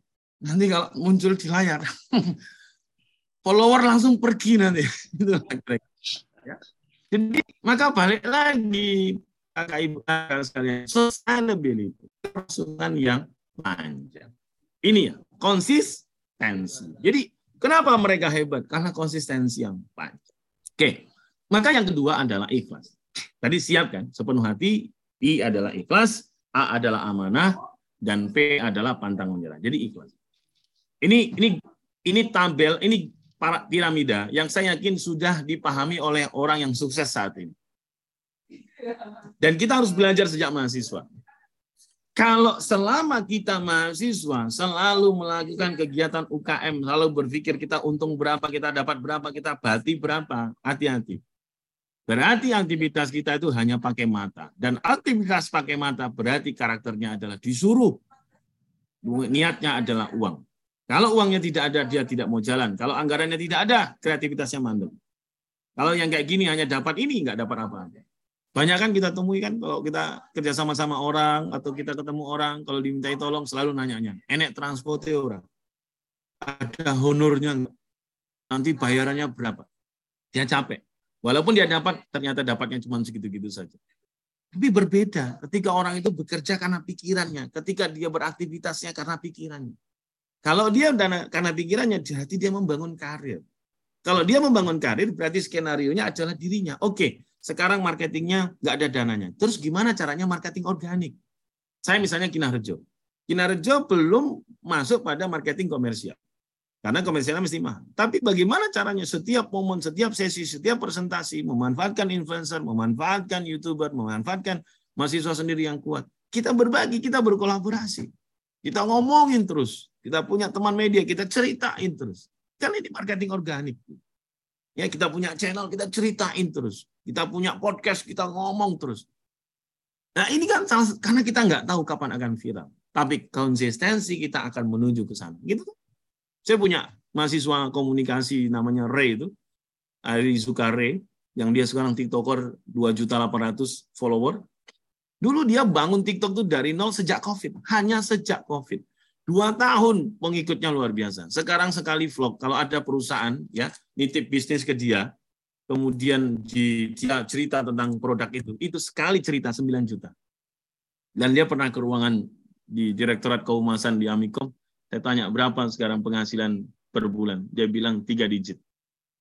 Dapat ceritanya 100 juta pun dari TikTok profesional. Tapi dia bisa bangun itu dari mana? Dari konsistensi yang kuat. Karena dia bangun kan. Dia tidak membatasi segala sesuatu jangan nanti ada honornya enggak. Oh, saya minta dia cerita tentang Kinarjo. Kamu harus vlog Kinarjo. Kamu masih mau lulus kan? Kalau mau lulus, vlog Kinarjo. Udah kasih nasi kotak. Udah cukup. Karena dosennya ya. Nah ini kenapa dia mau? Karena dulu sebelum dia siapa-siapa kita udah teman sama dia. Sebelum dia jadi seorang influencer yang hebat, kita sudah temanan sama dia. Ya, jadi kakak sekalian bangun karir. Apalagi yang paling tinggi, Anda attitude-nya adalah beraktivitas, mengajar, Anda suatu saat berorganisasi, Anda kuliah itu pakai hati. Kalau itu berarti panggilan jiwa. Kalau dia panggilan jiwa, apa yang kita ada? Bagaimana cara kita berlaku, bekerja, beraktivitas? Kita anggap bahwa semua ini adalah skenario yang maha kuasa. Kita bekerja ibadah, kita melakukan semuanya ada pahalanya. Ya kan? Terus apa yang kita dapatkan? Ya happiness keberkahan. Semua kan ada masanya. Jadi jangan dipikir, oh enak ya Pak Agung ya, enak ya Pak Nandang take off landing honor, take off landing, wah ini. Ya jangan lihat bagaimana Pak Nanang dulu, bagaimana Pak Agung dulu. Jangan disamakan, investasi usianya tidak sama. Gitu. Jadi kakak-kakak sekalian, bangunlah banyak peran, bangunlah banyak investasi. Suatu saat dia akan cair kepada Anda lagi. Maka ikhlas dalam perkuliahan itu adalah willingness to do more. Ingin memberi lebih. Dosen yang ngasih tugas, ingin beri yang terbaik. Dikasih target satu minggu, lima hari sudah diselesaikan. Dikasih target tiga hari, satu hari sudah selesai. Itu namanya willingness. Ini kita butuh orang-orang generasi muda yang kuat sampai saat ini yang kayak gini. Ya. Yang ketiga itu adalah amanah. Jadi siap tadi, sepenuh hati, ikhlas, amanah. Nah, apa maksud amanah? Amanah itu adalah bagaimana sesuatu yang dipercayakan kepada kita. Kita dapat beasiswa, kita manfaatkan beasiswanya. Kita dikasih anugerah bisa kuliah, kita manfaatkan kuliahnya. Bangun circle of excellence. Bangunlah lingkaran yang peduli, bangunlah lingkaran yang excellent, sehingga kita sukses untuk mencapai perkuliahan kita. Artinya kita bisa masuk juga bisa keluar di wisuda. Jangan bisa masuk, nggak bisa keluar. Ya, hanya bangga jadi mahasiswa, habisnya nggak nggak jadi apa-apa. Nah, karena amanah ini penting. Ini ada satu kasus ya, eh, Bapak Ibu dan eh, kakak-kakak sekalian. Jadi suatu ketika itu ada mahasiswa, eh, ada orang tua tiba-tiba datang di pelayanan keuangan. Orang tuanya bilang bahwa dia mau bayar uang praktikum anaknya, 14 juta. Lalu si petugas keuangan bingung, oh praktikum apa? Karena biaya praktikum sudah include semuanya di SPP tetap dan variabel. Lalu si bapak cerita, anaknya menelpon dia dan minta eh, mengirimkan surat kalau anaknya ini harus bayar uang praktikum. Jadi semua praktikum itu dia tulis, misalnya praktikum basis data satu juta, praktikum teknologi informasi satu juta, praktikum jaringan internet satu juta, praktikum rekayasa perangkat lunak. satu- Jadi di total Pak Nanang itu totalnya 14 juta. Kata si anak ke bapaknya, bapak segera karena ini harus dibayar. Kalau nggak saya dicutikan, nanti kuliah saya mandek. Bapaknya nggak punya uang. Lalu apa yang dilakukan sama si bapak? Karena cintanya sama anaknya, bapaknya ini tadi minjam uang koperasi 14 juta. Dan dia inisiatif, waduh kalau saya transfer ke anak saya, dia ATM-nya mungkin terbatas hanya 5 juta, nanti kalau ngambil cuma bisa tiga hari. Wah, terlambat bayarnya. Bapaknya inisiatif, kebetulan tinggalnya ya di area-area Jawa Tengah lah, masih bisa ditempuh dengan bis. Datanglah bapaknya ke Jogja, datang ke bagian keuangan, mau bayar uang praktikum anaknya 14 juta. Dia tunjukkan surat yang diberikan anaknya. Dan bapak, ibu, kakak-kakak mahasiswa baru tahu, surat itu palsu. Surat itu hoax. Diketik sendiri sama anaknya. Dia palsukan tanda tangan kepala DAAK waktu itu. Namanya Dr. Ahmad Fauzi. Dia palsukan. Untung Dr. Ahmad Fauzi itu orangnya sabar Ustadz. Jadi nggak menuntut balik. ya kan? Begitu tahu bapaknya, anaknya mau menipunya. Tahu apa yang dirasakan bapaknya. Matanya berlinang air mata. Sedih sekali dia. Tidak menyangka anak laki-lakinya setega itu mau menipu bapak. Maka Anda itu ya, sampai kalau orang tua berani Anda tipu, sumber kebaikan, sumber rezeki, sumber berkahnya hidup, Anda tipu. Anda kalau mau nipu mantan Anda silahkan. Walaupun ibu itu enggak baik. Loh, kok Bapak bilang nipu mantan saya? Iya, Anda dulu janji sama dia akan setia selamanya. Tapi Anda putus dan menikah sama orang lain juga tuh. itu kan namanya nipu mantan. Akhirnya tersadar dan nggak move on dengan mantannya, malah cerita mantan. Salah, iya kan? Coba, Pak. Kalau dia udah berani nipu orang tuanya, berarti perusahaannya bisa dia tipu. Iya betul nggak? Orang lain akan gampang dia tipu karena orang tuanya saja dia tipu. Coba. Apalagi mertuanya. Maka kakak-kakak sekalian, Anda harus sering-sering nonton azab. Ya. Rintihan mati istri. Harus sering-sering itu. Ya. Dan cinta. Supaya apa makanya kenapa ya kuliah itu nggak pernah berkah kuliah itu nggak lulus nipu ya memang ada dimarahin dimarahin kemarin tuh ada mahasiswa saya pak anak GM Metro TV IPK-nya 1,87 pak bapaknya nelfon Pak Erik ini bukan urusan relasi ini urusan orang tua anak saya gimana setiap kali ujian tidak ngikut ujian bayar SPP terus lama-lama kan bapaknya yang marah. Kamu ini serius nggak? Kamu ngapain aja di Jogja? Nilai E-nya 36 SKS. Nilai D-nya 25 SKS. Saya ketemu sama bapaknya. Saya bilang, ini ada program MBKM. Mereka belajar kamus mereka. Sudah, kita pilih mata kuliah yang produksi, dia kerja di TV. Satu tahun. Satu, satu semester konversi 20 SKS. Satu tahun 40 SKS. Kita kita ketemu sama SDM kita mau karena perusahaannya bonafit. Kalau perusahaannya CC nggak mau saya. Kenapa? Mesti main-main dia. Ya kan? Apalagi dia perannya, loh dia itu magang di Metro TV itu nggak main-main loh. Dia jadi personal asistennya King Andy. Coba. Kan dia bilang saya, kamu tuh kenapa gini? Pak, saya itu bukan bodoh, Pak. Terus kamu apa? Saya itu malas. Sama aja. saya nggak bodoh tapi malas. Ya, kamu tuh ibarat pertandingan, tapi nggak selesai bertandingnya. Ya nggak? ibarat kuliah ujiannya nggak ikut lah nggak finish ibarat pacaran nggak ke KUA ya kan nggak finish itu nggak paham ini kak ya jadi kasihan orang tuanya terus dia akhirnya wah pak saya nggak berani ngomong ke orang tua saya kalau saya padahal saya udah ngomong orang tuanya cuman saya bilang dia kamu harus tahu kamu harus komitmen sama orang tuamu kamu harus ngasih tahu kalau nilaimu tuh SKSE-nya dan kamu harus butuh satu tahun lagi untuk bisa ngulang. Angkatan 2017. Pak, saya takut dimarahin. Saya bilang, lebih baik kamu dimarahin sekarang daripada besok kamu dimarahin banyak orang. Lebih bagus, Pak, tapi kan saya salah. Lebih bagus kamu ngaku kalau kamu salah. Dengan dimarahi, gugur semua salahmu. Selesai. Kamu udah dimarahi kok. Iya kan? Kamu udah dihujat, ibaratnya gitu. Wah, akhirnya Nah, di situlah kakak sekali. Jadi kuliah itu kan nggak hanya kita. Jadi kalau kita tuh nggak pandai bersyukur ada beasiswa, kita nggak bersyukur. Wow, saya cuma dibayarin beasiswanya kan namanya orang ngasih beasiswa kan kan ada tuh mahasiswa ya ngasih beasiswanya kan nggak penuh dikasih beasiswanya hanya satu tahun kan gitu kan nah sisanya suruh dia lanjutkan malah ngeluh. Wah beasiswa cuma setahun kan nanggung banget ya untung beasiswa dikasih satu tahun. Saya dulu nyari beasiswa nggak ada ada beasiswanya. Harus belajar dari orang ini ya. Kakak-kakak sekalian harus belajar dari orang ini. Tahu Pak Khairul Tanjung? Tahu ya. Pak Khairul Tanjung ini baca bukunya, khatamkan bukunya si anak singkong. Beberapa waktu lalu ulang tahun ke-60. Di hadapan anak-anak muda dia cerita, satu kata kunci, saya adalah akumulasi dari masa lalu. Pak Khairul Tanjung keterima di program studi kedokteran gigi di UI. Oke. Mau bayar, dia tidak punya uang. Orang tuanya juga tidak punya uang. Ibunya akhirnya minjam, cari pinjaman. Dan kakak-kakak tahu, tidak ada yang minjamin. Kenapa? Orang miskin tidak bisa dipercaya. Maka Anda jangan mau selamanya jadi orang miskin. Karena tetangga tidak percaya. Tidak percaya apa? Tidak percaya Anda bisa balikin gitu loh. Ya, pinjam tetangga tidak ada yang balikin. Lalu apa pengorbanan ibunya? Kain sutra milik satu-satunya digadekan sama ibunya Pak Khairul dapatlah uang untuk bayar pangkal pertama. Pokoknya bisa membayar dulu. Nah, begitu dia bisa masuk jadi mahasiswa, walaupun dia bayarnya kurang, apa yang dilakukannya selama kuliah? Jadi loper koran.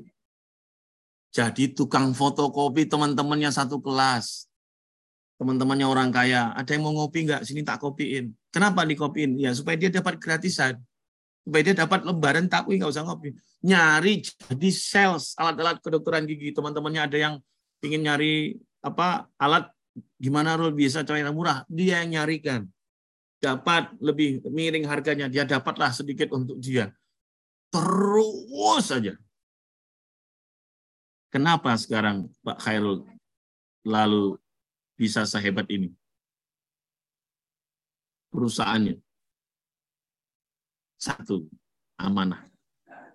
Dan satu yang disukai oleh teman-temannya kepada Pak Khairul adalah kejujuran. Jadi kalau dia berpartner sama orang, TV, ngelola TV, dia komit. Mengelola bank, dia komit. Itu. Nah, saya dapat info ya, benar apa enggak dari mana apa ya dari para manajer-manajernya. Kalau keluar negeri, keluar kota, ke mana-mana, itu ada satu orang yang tidak boleh tinggal. Siapa? Ibunya ibunya. Harus diajak. Istri boleh tinggal. Tapi ibu harus diajak. Ada satu permintaan ibunya Pak Khairul sama Khairul Tanjung. Apa? Rol, bangunkan ibu masjid. Bangunkan ibu masjid. Dan kakak tahu, akhirnya beliau bangunkan masjid untuk ibunya. Kalau kakak pernah main di Trans Studio Mall di Bandung atau dulu namanya BSM. Di sebelah kanan itu kan ada parkiran luas. Ya. Permintaannya bangunkan ibu masjid yang sama tingginya seperti mallnya. Akhirnya dibangunkanlah masjid untuk ibunya. Ini.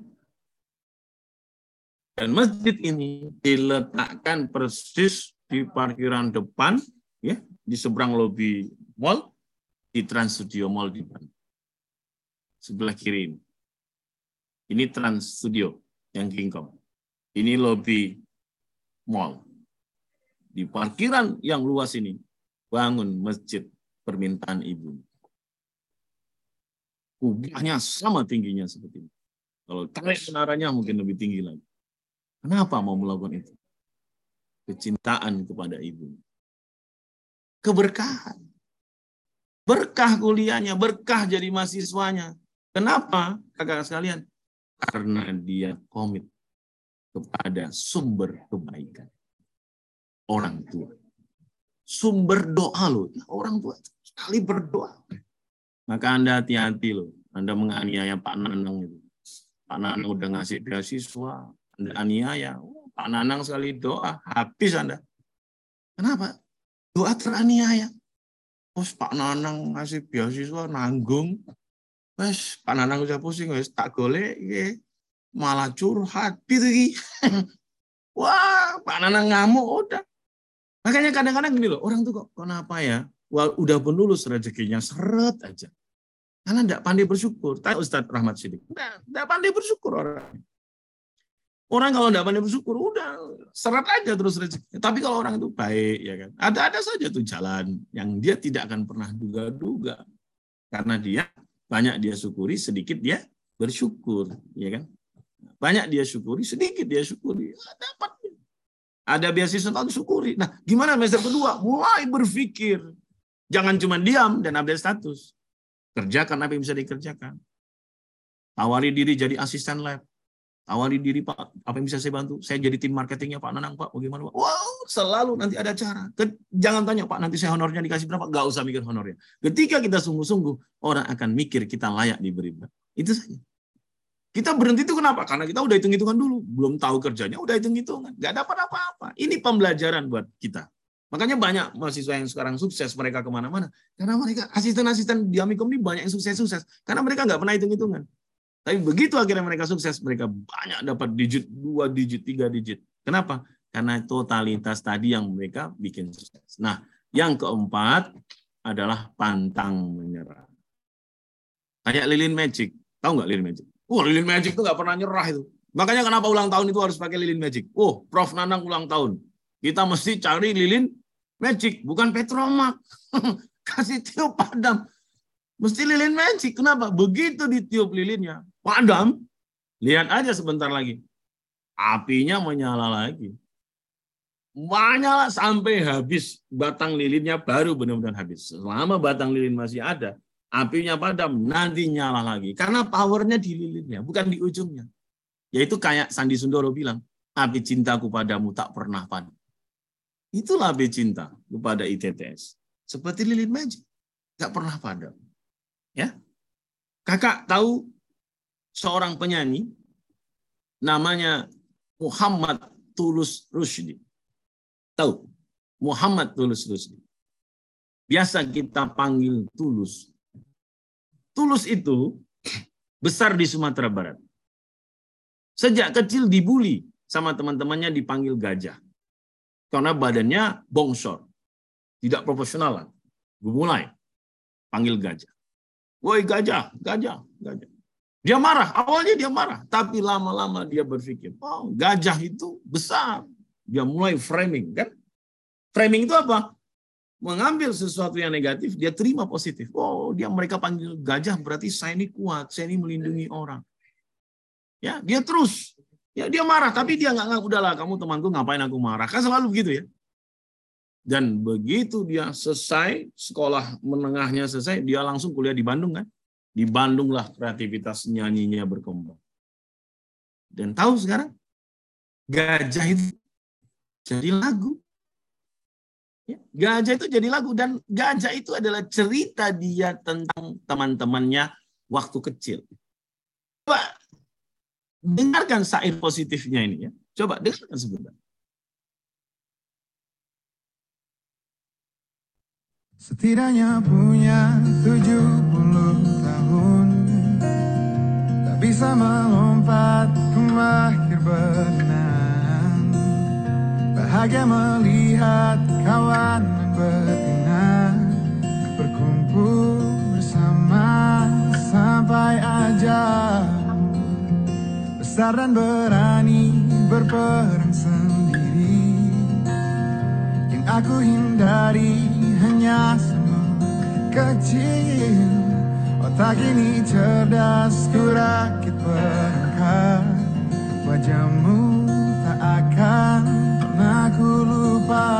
lupa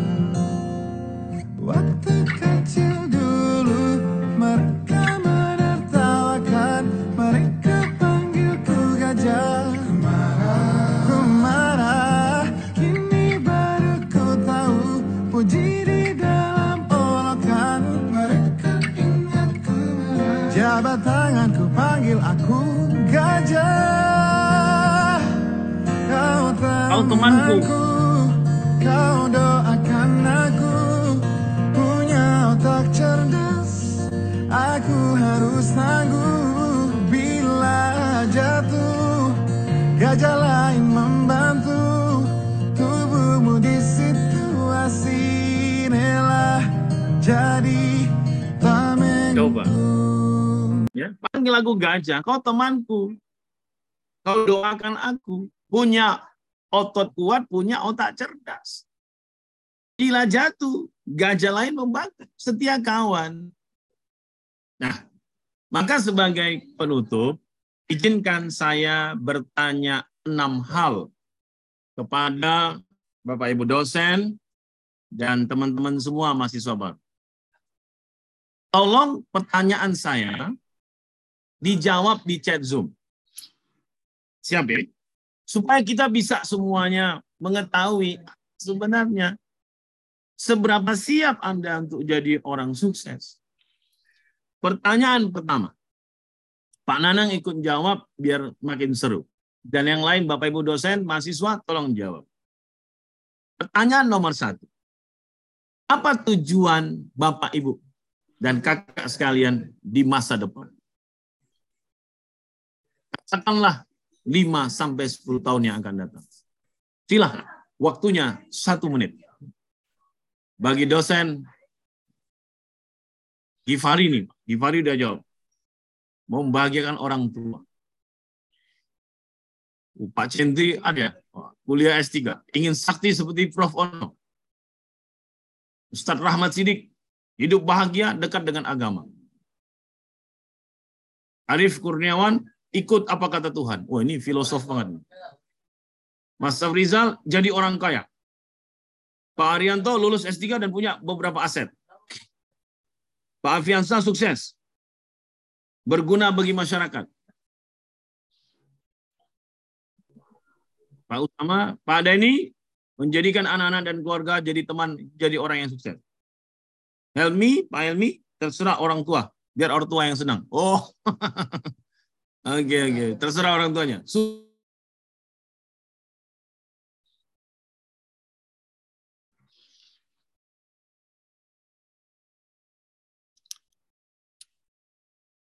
Ini Gunani Maranglian, wah luar biasa. Pak Haji Amin, oh Pak Haji Amin ikut nih. Di usia pensiun, terus ingin cari ilmu dan tetap berkarya. Wah, coba. Kalah kita sama yang sudah pensiun, tapi tetap berenergi. Mas Bagas, jadi sistem analis. Baik, terima kasih. Pertanyaan nomor dua. Enam pertanyaan saja. Semua berkaitan pada pertanyaan nomor satu. Apa target Bapak Ibu kakak sekalian dalam satu tahun ke depan? Apa target satu tahun ke depan? IPK di atas tiga? Mulai usaha jalan? Gifari membuat penemuan yang berguna bagi masyarakat. Ustadz Rahmat Sidik bisa lebih memahami dunia IT. Pak Arianto Buyung nabung menyelesaikan pendidikan, menguasai cyber security dan data engineer, membuat bisnis baru, kerja di luar negeri. Ada yang nulis menikahinya. Iyalah, udah satu tahun, udah pacaran lama gak nikah-nikah, ya menikahinya. Menikah saya Pak, ya. Berikan salah satu contoh kesuksesan pada keluarga dan teman-teman. Oh. Ini kalau ah, menulis jurnal internasional, memperdalam bahasa asing, menguasai ilmu yang diajarkan dan dapat memanfaatkan dengan baik, bekerja dan mengabdi di ITTS. Sukses, sukses.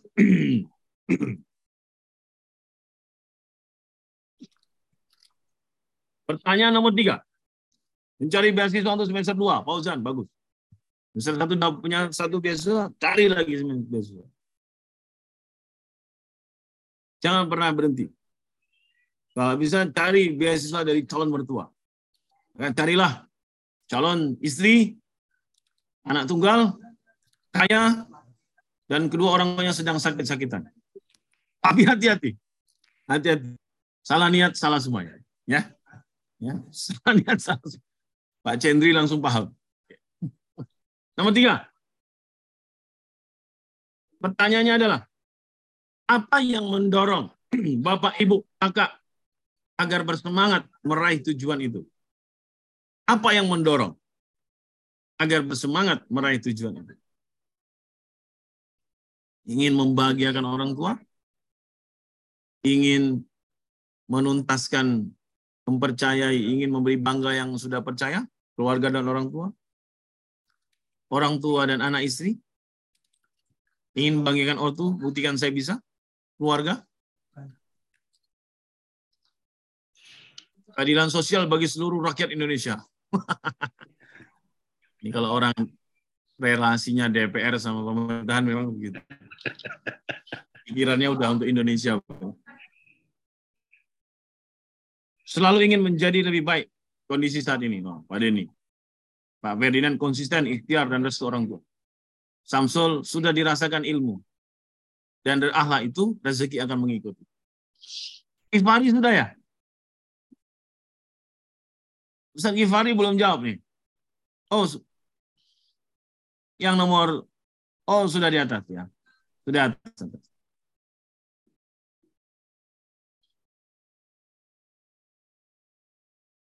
Apa yang mendorong? Keluarga dan yang masih utuh dan sehat. Pertanyaan nomor empat, hanya enam saja.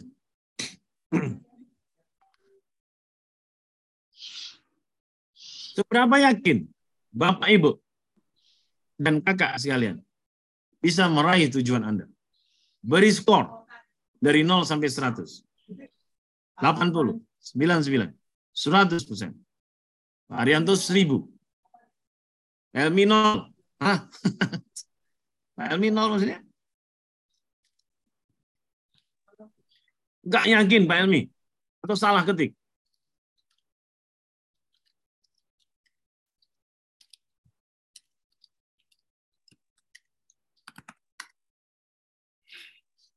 Oh, kurang nolnya. Elmi, ya, kurang nolnya. Oh ya, kirain nol. oh, oke, oke, oke, oke, oke. ya, ya, ya. Tadi kurang nol ya. 99,8 persen margin of error. Ini ini orang marketing sama orang akuntansi itu begini. margin error. Luar biasa, Prof. Baik, tanya nomor lima, kan enam saja. Tentu orang punya kalimat penyemangat dalam hidup. Saya suka kalimat sehat dan menginspirasi. Ada teman saya suka kalimat manjat wajada. Pak Nanang, bersamanya semua indah. Wah, itulah kira-kira. Saya siap menjadi agen perubahan. Wow. Kalimat yang membuat Anda bersemangat Bapak, Ibu, dan kakak-kakak sekalian. Jadikan yang tidak mungkin menjadi mungkin. Waduh. Kalau mereka bisa, kenapa harus kita? Kalau mereka bisa, kalau mereka bisa, kenapa harus kita? Oh. kalau mereka bisa, kenapa kita? Berarti ini memang karakter ini nih. Sourcing. Mas Buyung, Mas Buyung. ini karakter outsourcing. Kenapa kalau mereka bisa? Oke, oke. Aduh. Aku ingin terbang tinggi. Hidup indah. Wah, jadi harus di bersyukurlah. Jadi bersyukurlah. Terbang tinggi seperti elang. Ingat, kamu itu miskin. Terben, terbentur, terbentur, terbentuk. Lebih baik pulang nama daripada gagal di medan tugas. Oh iyalah. Kalau gagal cari-cari orang. gagal cari-cari. Keputusan terakhir datang dari hati, bukan dari otak. Waduh. Allah akan kasih hambanya, walaupun hambanya menganggapnya buntu. Diremehkan tetangga. Maksudnya? Oh, Jadi marah sama tetangganya ya. Di Jakarta harus lihai. Kalau tidak kita lihai. Dilen orang. Oh kasino. Inspirasi dari kasino. Cinta ditolak, pesulap merah bertindak. Raihan, Raihan. Begitu sulitnya ya. Ternyata update sosmed juga nih. Begitu sulit. Begitu sulit. Iya, iya. Jangan mencetak kemiskinan baru di atas kemiskinan lama. Wah, Masya Allah. Haji Ahmad Yani, Masya Allah. Mas Fauzan ya, Ustaz Fauzan.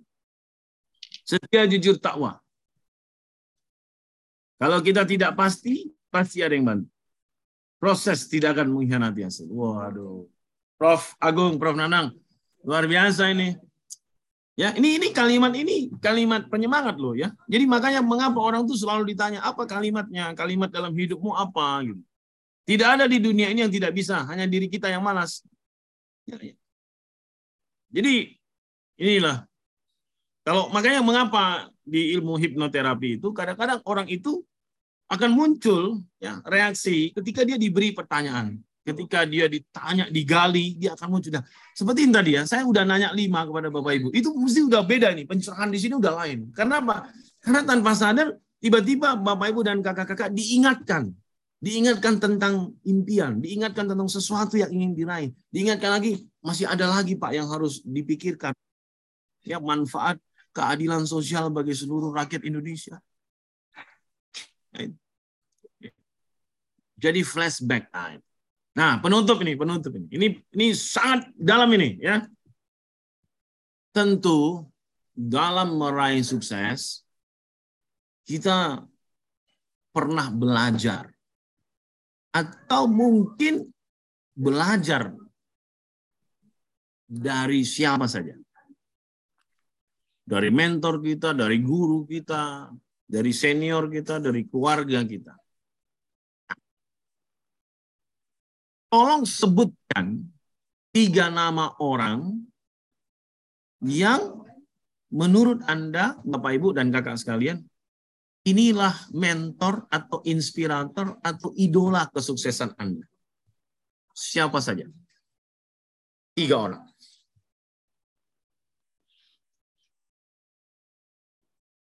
Pak Agung, Pak Nanang, Pak Ono. Ini ini do, karyawan ini ya. Mahasiswa, mahasiswa ini. Oh, mahasiswa. Luar biasa ya. Ini marketing sejati ini. Pak Agung, Pak Nanang, Pak Ono. Ono Purbo, Kevin Mitsnik, Aninemus. Oh, Aninemus ini masuk para hacker-hacker. Romi Satrio, oh Romi Satrio Hono ya. Project Mas Agung, waduh. Ibu, ibu dan ibu. Pak Andri, Almarhum Gus dan Pak Rocky. Eh, Ferdinand, Puan Maharani. Wah, semangat. semangat, Pak. Sukses.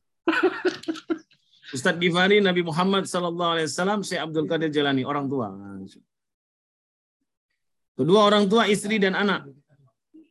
Pak Dedi, Ayah Suwarno, Bapak Masul Latif, Kepala Mendikbud, Prof. Ono. Waduh. Prabowo, wah, mental baja. Pak Raihan, Prabowo. Pak Samsul, Nabi Muhammad, Prof. Iya, Ono, iya. Seikhiro Honda. Elon Musk, Pablo Escobar. Oke. Karena kegigihannya ya. Ini karena kegigihannya ya. Pak Adi Hamid, Prof. Ono, Pak Erik. Waduh. Jadi saya senang lah ngisi di TTS. Ada termasuk ada yang idola juga. Makasih Ustadz Fauzan. Ustadz Rahmat Sidik, Rasulullah ulama para hacker.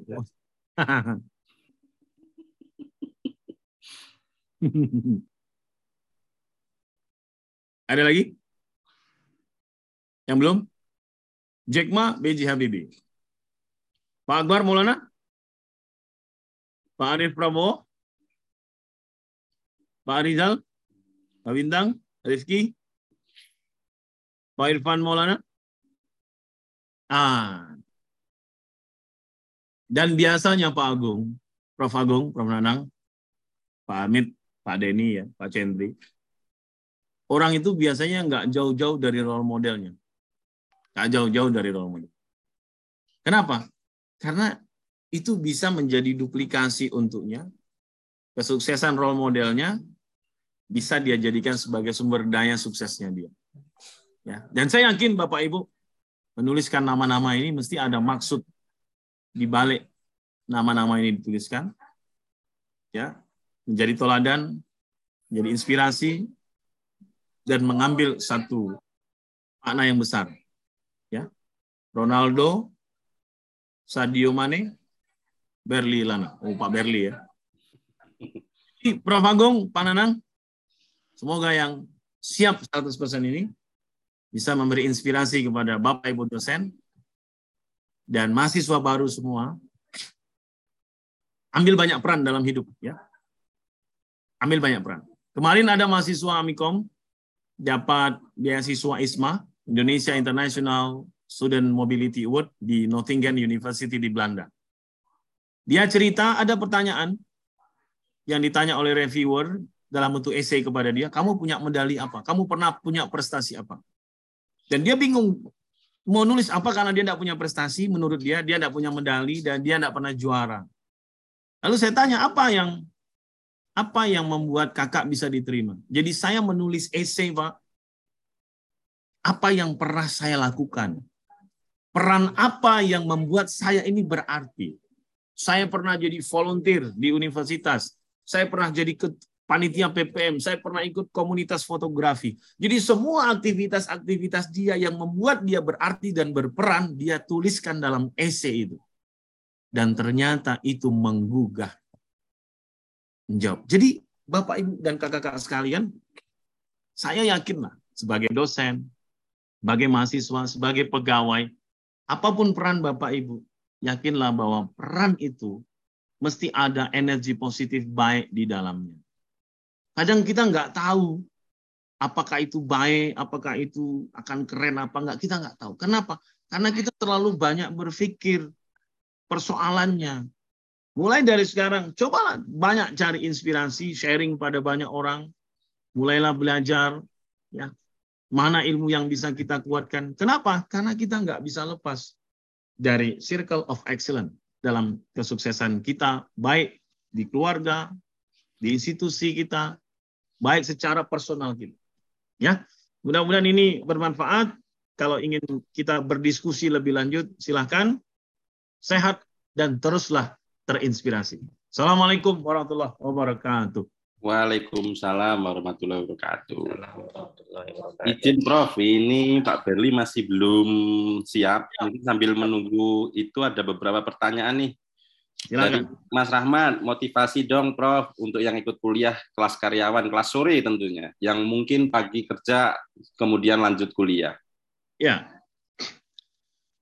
semua terjadi itu mesti ada alasan kenapa itu terjadi. Ketika Bapak Ibu meluangkan waktu, memberikan investasi waktunya, di saat bekerja, waktunya sudah habis di jam kerja, dan di, di luar jam kerja yang harusnya untuk keluarga, masih berpikir untuk lanjut ikut kuliah. Pertanyaannya adalah, kenapa Bapak Ibu mau melakukan hal itu? Nah, saya yakin Bapak Ibu ingin memberi contoh kepada keluarga. Bapak Ibu ingin memberi lebih untuk keluarga. Bagaimana kita memotivasi anak kita untuk kuliah suatu saat nanti kalau orang tuanya tidak kuliah? Akan berat. Karena orang tuanya tidak menjadi contoh. Nah, lalu bagaimana agar motivasi itu terus ada? Lakukan terus apa yang membuat Bapak Ibu senang. Apa yang bikin senang? Ya, karena ketika kita dalam keadaan misalnya capek ya, kita capek, kita nggak nyaman. Nah, kecapean itu bisa dikalahkan dengan rasa senang kita. Makanya mengapa anak-anak muda itu dia salah artikan kesenangan tadi dengan memaksa hormon endorfin di dalam tubuhnya itu dimunculkan, diproduksi dengan dengan narkotika. Kenapa? Dia biar bahagia, dia bisa biar fly. Padahal sebenarnya rasa senang itu bisa dihadir. Contohnya misalnya begini. Ah, nanti sore saya mau minum kopi di Excelsior bareng Prof. Nanang. Nah, karena saya sudah bayangkan kopi tadi, itu muncul rasa senang. Ah, saya mau makan mie Aceh ah, sama Pak Haji Amit nanti. Saya mau makan nasi Padang. Oh, saya habis ini mau main futsal. Sekarang apa? Karena rasa senang tadi akhirnya muncul. Loh, kenapa mau melakukan kuliah sore tadi? Saya ingin anak-anak saya bangga kepada saya. Orang tuanya kuliah, maka bagi saya akan mudah mengatakan, nah, kamu nanti kuliah. Ya, Jadi anak saya yang nomor satu itu, Pak Agung, Pak Nanang, Prof, Alhamdulillah kemarin saya coba tanya lagi dia, apa cita-citanya? Dan dia bilang konsisten masih ingin menjadi dokter spesialis anak. Tolong diaminkan. Amin, amin ya Allah. Amin. Karena ini berat, ini berat. saya udah pengaruhi supaya menjadi supaya jadi ilmu komunikasi saja. Biar gampang. Bapak Prodi. Relasinya udah banyak. Hanya gampang. Jangan pengaruhi kakak. Cita-cita kakak adalah ingin jadi dokter spesialis. Dia pernah dengan polosnya mengatakan kepada saya, ayah punya uang 1.500. Uang jajan uang mingguannya dia, jajan mingguannya dia sudah dia tabung. Jadi satu ketika dia bilang, saya ayah punya uang 1.500. Saya pancing, saya beri 50.000. Lalu dia bilang, enggak ayah, kakak butuh 1.500. Saya turunkan, saya kasih 20.000. Tetap dia bilang, ayah, kakak butuh 1.500. Lalu saya kasih. Kenapa? Karena dia janji sama temannya jualan tas subah, dia mau beli tas subahnya. Lalu saya kasih uangnya. Lalu saya berdoa kepada Allah, ya Allah, mudah-mudahan anak saya sampai kuliah tetap seperti ini. Ya, minta 1.500 saja. Jadi dia kasih lebih nggak mau. Ya itu belajar dari anaknya, putranya Pak Haji Amin itu. Di Jogja nggak nggak minta uang, nggak tahu uang. Dikirim uang yang diambil, nggak dikirim uang diam aja. Dikirim berapa nggak pernah minta. Nah, ini kan rezeki. Nah, kenapa bisa begitu? Ini adalah motivasi contoh dari orang tua. Jadi Pak Ustadz Rahmat Sidik, yakinlah letihnya Bapak di luar jam kerja masih kuliah, itu nanti akan memberikan investasi berarti untuk keluarga. Karena balik lagi, ya ilmu bermanfaat adalah ibadah kita, dan manfaat dari ilmu itu juga dirasakan keluarga kita. Bahkan perusahaan kita akan mendapatkan manfaat dari ilmu. Kenapa? Karena pegawainya mengupgrade kemampuan mereka menjadi sarjana. Jadi yakin Pak Rahmat Sidik nggak akan ada yang yang sia-sia. Apa yang Bapak lakukan semuanya akan berarti. Bismillah. Sukses terus buat Pak Rahmat Sidik. Terima kasih. Siap, siap, siap. Jadi memang kalau kuliah ini adalah ya bentuk pengorbanan atau proses ya. Jadi eh, ketika mungkin teman-teman baru eh, apa ya eh, S1 ya. Kalau udah S2, S3 itu lebih parah lagi. Pengorbanan bahkan waktu tadi disampaikan eh, dengan anak kurang, dengan istri kurang, semua serba kurang. Jadi percayalah bahwa investasi ke depan itu terkait dengan proses memang tidak akan mengkhianati hasil. Gitu. Ada lagi nih Prof, eh, terkait dengan bagaimana menjalani nilai-nilai keteguhan, terkait dengan mungkin sempat kita ke distract dengan mungkin musibah, atau mungkin PHK, atau mungkin eh, nyun sewu bagi teman-teman yang kurang mampu, eh, terlalu apa ya, mungkin kepikiran bagaimana dan sebagainya tapi mungkin ini ada bagaimana tetap teguh untuk terus menjalani proses-proses yang ada. Bahkan teman-teman saya sampaikan Prof bahwa kalau Anda serius, IPK bisa bagus, kita akan berikan beasiswa itu terus. Tapi kalau Anda kita beri dan Anda malas-malasan ya kita tentu tidak akan ya. itu gitu. Iya, betul, betul. Bisa dijawab, Prof. Ya, terima kasih. Jadi ter, ya. Memang itu situasi yang kadang kita tidak pernah duga. Tapi saya ingin mengembalikan begini. Jadi yang namanya rezeki itu itu kan eh, ada hasil tunai, ada namanya tabungan kebaikan. Itulah menjadi amal amal usaha kita. Ya, kadang memang kita berpikir bahwa ketika kita eh, tidak punya uang, maka eh, kita akan berat dalam menjalani hidup yang satu yang harus kita pahami adalah ketika terjadi kondisi seperti ini, maka kita jangan pernah berhenti berpikir dan melakukan sesuatu. Jangan pernah berhenti bergerak, itu saja. Jangan pernah berhenti bergerak. Bergeraklah terus. Ya, jangan pernah diam. Karena diam tidak akan pernah menyelesaikan persoalan. Kita punya teman-teman di phonebook kita. Hubungi mereka. Apa yang bisa dibantu? Apa yang bisa disupport? Ya mungkin mereka bahasa tapi dari situ kita akan bergerak terus. Ya, kita mungkin melangkah ke masjid, di masjid ketemu orang, ada aja. Jadi pemikiran itu, ide itu akan terjadi ketika kita bergerak, ketemu dengan orang, sharing dengan orang, ya. Tapi tidak menunjukkan kesusahan kita. Kita ingin cari ide, apa yang bisa saya support, apa yang bisa saya bantu. Dan satu lagi, tidak gengsi melakukan banyak hal. Nah, kadang-kadang kita terbatas itu dengan gengsinya kita. Nah, jadi amal usaha tadi adalah ada hasil tunai dan ada tabungan energi kebaikan. Oke lah saya enggak, tapi tolonglah dipahami. Kita memiliki keluarga yang mengerti tentang kita. Itu kan rezeki. Betul Kita punya sahabat yang care sama kita. Itu rezeki. Kita punya tetangga yang peduli terhadap yang lain. Itu rezeki. Kita punya istri yang paham. Itu rezeki, Pak. Karena banyak orang yang gajinya besar, istrinya tak paham. Contoh ya, contoh ya pada saat lagi jalan ya tiba-tiba istri kita lihat tas bagus atau baju bagus ya. dia lihat baju tadi dari matanya itu udah kelihatan dia pingin. Kita kan sebagai suami ngerti langsung tanya pingin apa? Itu apa? katanya enggak mas enggak. Enggak usah enggak enggak usah enggak caci. Enggak apa-apa ngomong aja. Enggak mas enggak usah kamu enggak akan sanggup. Ya dia enggak jadi ngomong nggak jadi ngomong minta, itu kan rezeki. Anak mengerti. Nah gitu lah.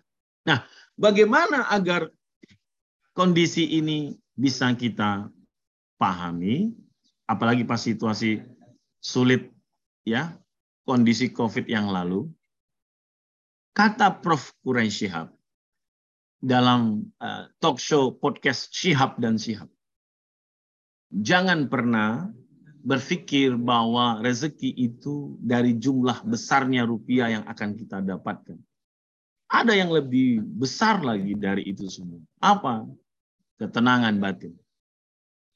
Kita nggak punya uang, Pak. Tapi batin tenang. Mahal itu, Pak. Nanti nggak makan dong. Siapa bilang nggak makan, Pak? Pasti akan diberi rezeki. Cicak saja nyamuk aja iya dikasih dia yang sakit aja diem aja nyamuk mendekat dikasih rezeki kasih rezeki nah maka di kondisi kayak gini adalah satu tetap baik ya menerima kondisi. Yang kedua adalah teruslah bergerak. Ketemulah banyak orang. Nanti ide akan banyak sekali kita muncul. Itu Pak Dani saran saya. Tapi kalau Bapak hanya berpikir diam di rumah, tidak mengapa-ngapa, maka tidak ada usaha. Ya, usahanya tidak ada. Karena tidak ada usaha gerakannya, maka nggak akan ada yang terjadi. Jadi hanya menunggu, bergerak. Ketemu teman, cerita. Mungkin ada rencana lain yang lebih baik yang kita tidak tahu, yang sebenarnya sedang disiapkan untuk kita di masa yang akan datang. Kan gitu. Kita kan tidak tahu. Ibarat tahu, Bapak tahu ya kalau dalam film itu yang namanya pahlawan itu kan pasti menang terakhir. Kan betul ya? Pahlawan pasti menang terakhir. Pahlawan itu nggak dianggap, dibully, miskin, terbatas. Tapi nanti dalam perjalanannya dia menemukanlah magic moment tadi, akhirnya dia sukses di ending film. Nggak ada kan? Film hero gitu, tersiksa di awal, stres di tengah, mati di akhir. Nggak ada orang mau nonton film kayak gitu, nonton Marvel gitu, pasti akan indah pada closing. Nah, jadi Pak Dani, saran saya, amal mulia itu adalah hasil tunai dan tabungan kebaikan. Banyakin tabungan kebaikan, berbuat baik terus kepada orang lain, ya, bantu orang sebanyak-banyaknya supaya Bapak juga bisa dapat bantuan, dan satu saat nanti cairan-cairan kebaikan tadi tanpa akan Bapak sadari akan cair kata Jamil Azaini dalam bentuk 4 TA. Harta, tahta, kata, dan cinta. Mungkin Bapak nggak punya kerjaan, tapi keluarga sangat mencintai Bapak sebagai seorang hero dalam keluarga. Bapak mungkin nggak punya uang yang banyak, tapi batin Bapak tenang dalam mengerjakan banyak hal. Nah, di situlah yang kita akan dapatkan sisi-sisi positif. mengambil hikmah dari semua kejadian. Terima kasih, Prof. Agung. Luar biasa. Ini saya juga kena loh. Jadi memang uh, Tapi kalau Prof. Nanang, Prof. Budi, harta, tahta, dan Cynthia.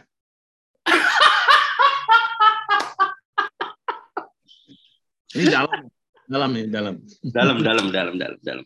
Nah, Nah, memang membangun eh, apa ya vibe untuk energi positif di perkuliahan itu banyak hal sih memang. Jadi eh, selain memang membangun eh, untuk mencegah atau hal-hal yang kaitannya supaya tidak malas dan sebagainya ya.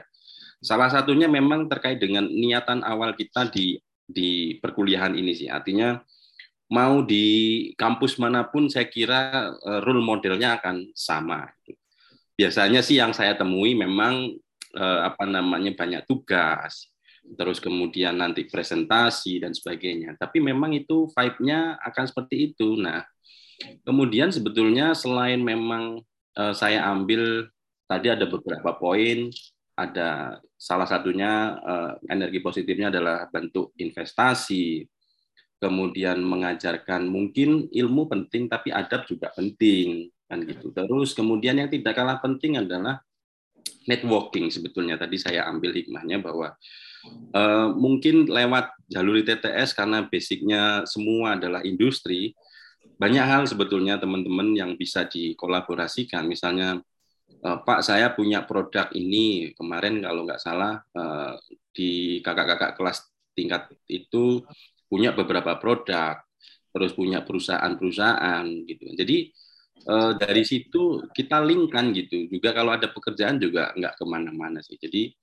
saya kira ini penting untuk kita ketahui bersama bahwa kita bangun energi positif itu dari diri kita sendiri sih. Apalagi kalau mungkin ada beberapa yang uh, lagi kasmaran kemudian nanti putus uh, kuliahnya lagi suram waduh ini repot lagi nih itu bisa jadi ya. juga gitu kan. Itu, itu, itu skala prioritas memang. Oh, iya, iya. Mengatur skala prioritas. Mana Betul. yang prioritas dalam hidup? Iya, iya. Ya. ya karena memang juga eh, toh juga nanti ke depannya kita kita mencari nafkah juga salah satunya ini bentuk investasi dari perkuliahan betul. gitu ya. Betul, betul. Gitu. Jadi ada ada hal-hal yang mungkin skala prioritas eh, teman-teman sudah Eh, mau melangkah lebih maju untuk kuliah itu akan lebih uh, bagus lagi gitu walaupun mungkin ada mungkin segmen-segmen ya kalau biasanya kalau zaman dulu ya Prof Erik ya, ya, betul. Uh, uh, kerja PNS bukan kan itu pertama ya, ya. Yang kedua kuliah di mana kan gitu ya benar walaupun itu memang bukan satu patokan dan sebagainya tapi mana ada sih uh, istilahnya orang tua yang mungkin mau merelakan anaknya terhadap uh, istilahnya mungkin basically uh, yang uh, mungkin kalau yang basicnya uh, bapak ibunya guru dan sebagainya pasti akan melihat bebet ya, bibit bebet bobotnya kan gitu. Betul. Nah, kalau misalkan uh, istilahnya uh, ya walaupun nggak salah dengan pekerjaannya yang penting halal tapi ya apakah memang pekerjaan misalkan ini ketemunya di mana? Di diskotik ya. Ya pasti mikir-mikir orang tua kan gitu. Iya. Jadi lebih baik di Excel lah. Excel masih baik. Excel masih lima puluh lima puluh lah. Kopi masih lebih enak. Iya. apalagi iya. di masjid wah pengajian itu lebih luar biasa lagi. Iya iya siap siap mungkin yang lain kalau ada pertanyaan silakan atau mau uh, buka uh, videonya ya. mau bersuara mungkin mau interaksi dengan coach kita nih sungguh luar biasa nih. Ya, Jadi saya pun begi uh, yang disampaikan Prof Agung tadi itu benar sekali coach. Saya itu mengapa coach konsisten di radio tetap mau mengisi walaupun saya tidak dibayar coach. 10 tahun lebih saya ngisi saya RRI punya 152 rekaman motivasi 3 sampai 5 menit yang saya rekam di studio di RRI dan itu diputar sampai ke Batam dan lain-lain. Dan saya tidak pernah menduga waktu saya live dari Batam, itu banyak sekali tenaga kerja Indonesia di Singapura dan di Malaysia, karena pemancar RRI Batam ini kuat sekali, sehingga tembus frekuensinya Malaysia-Singapura.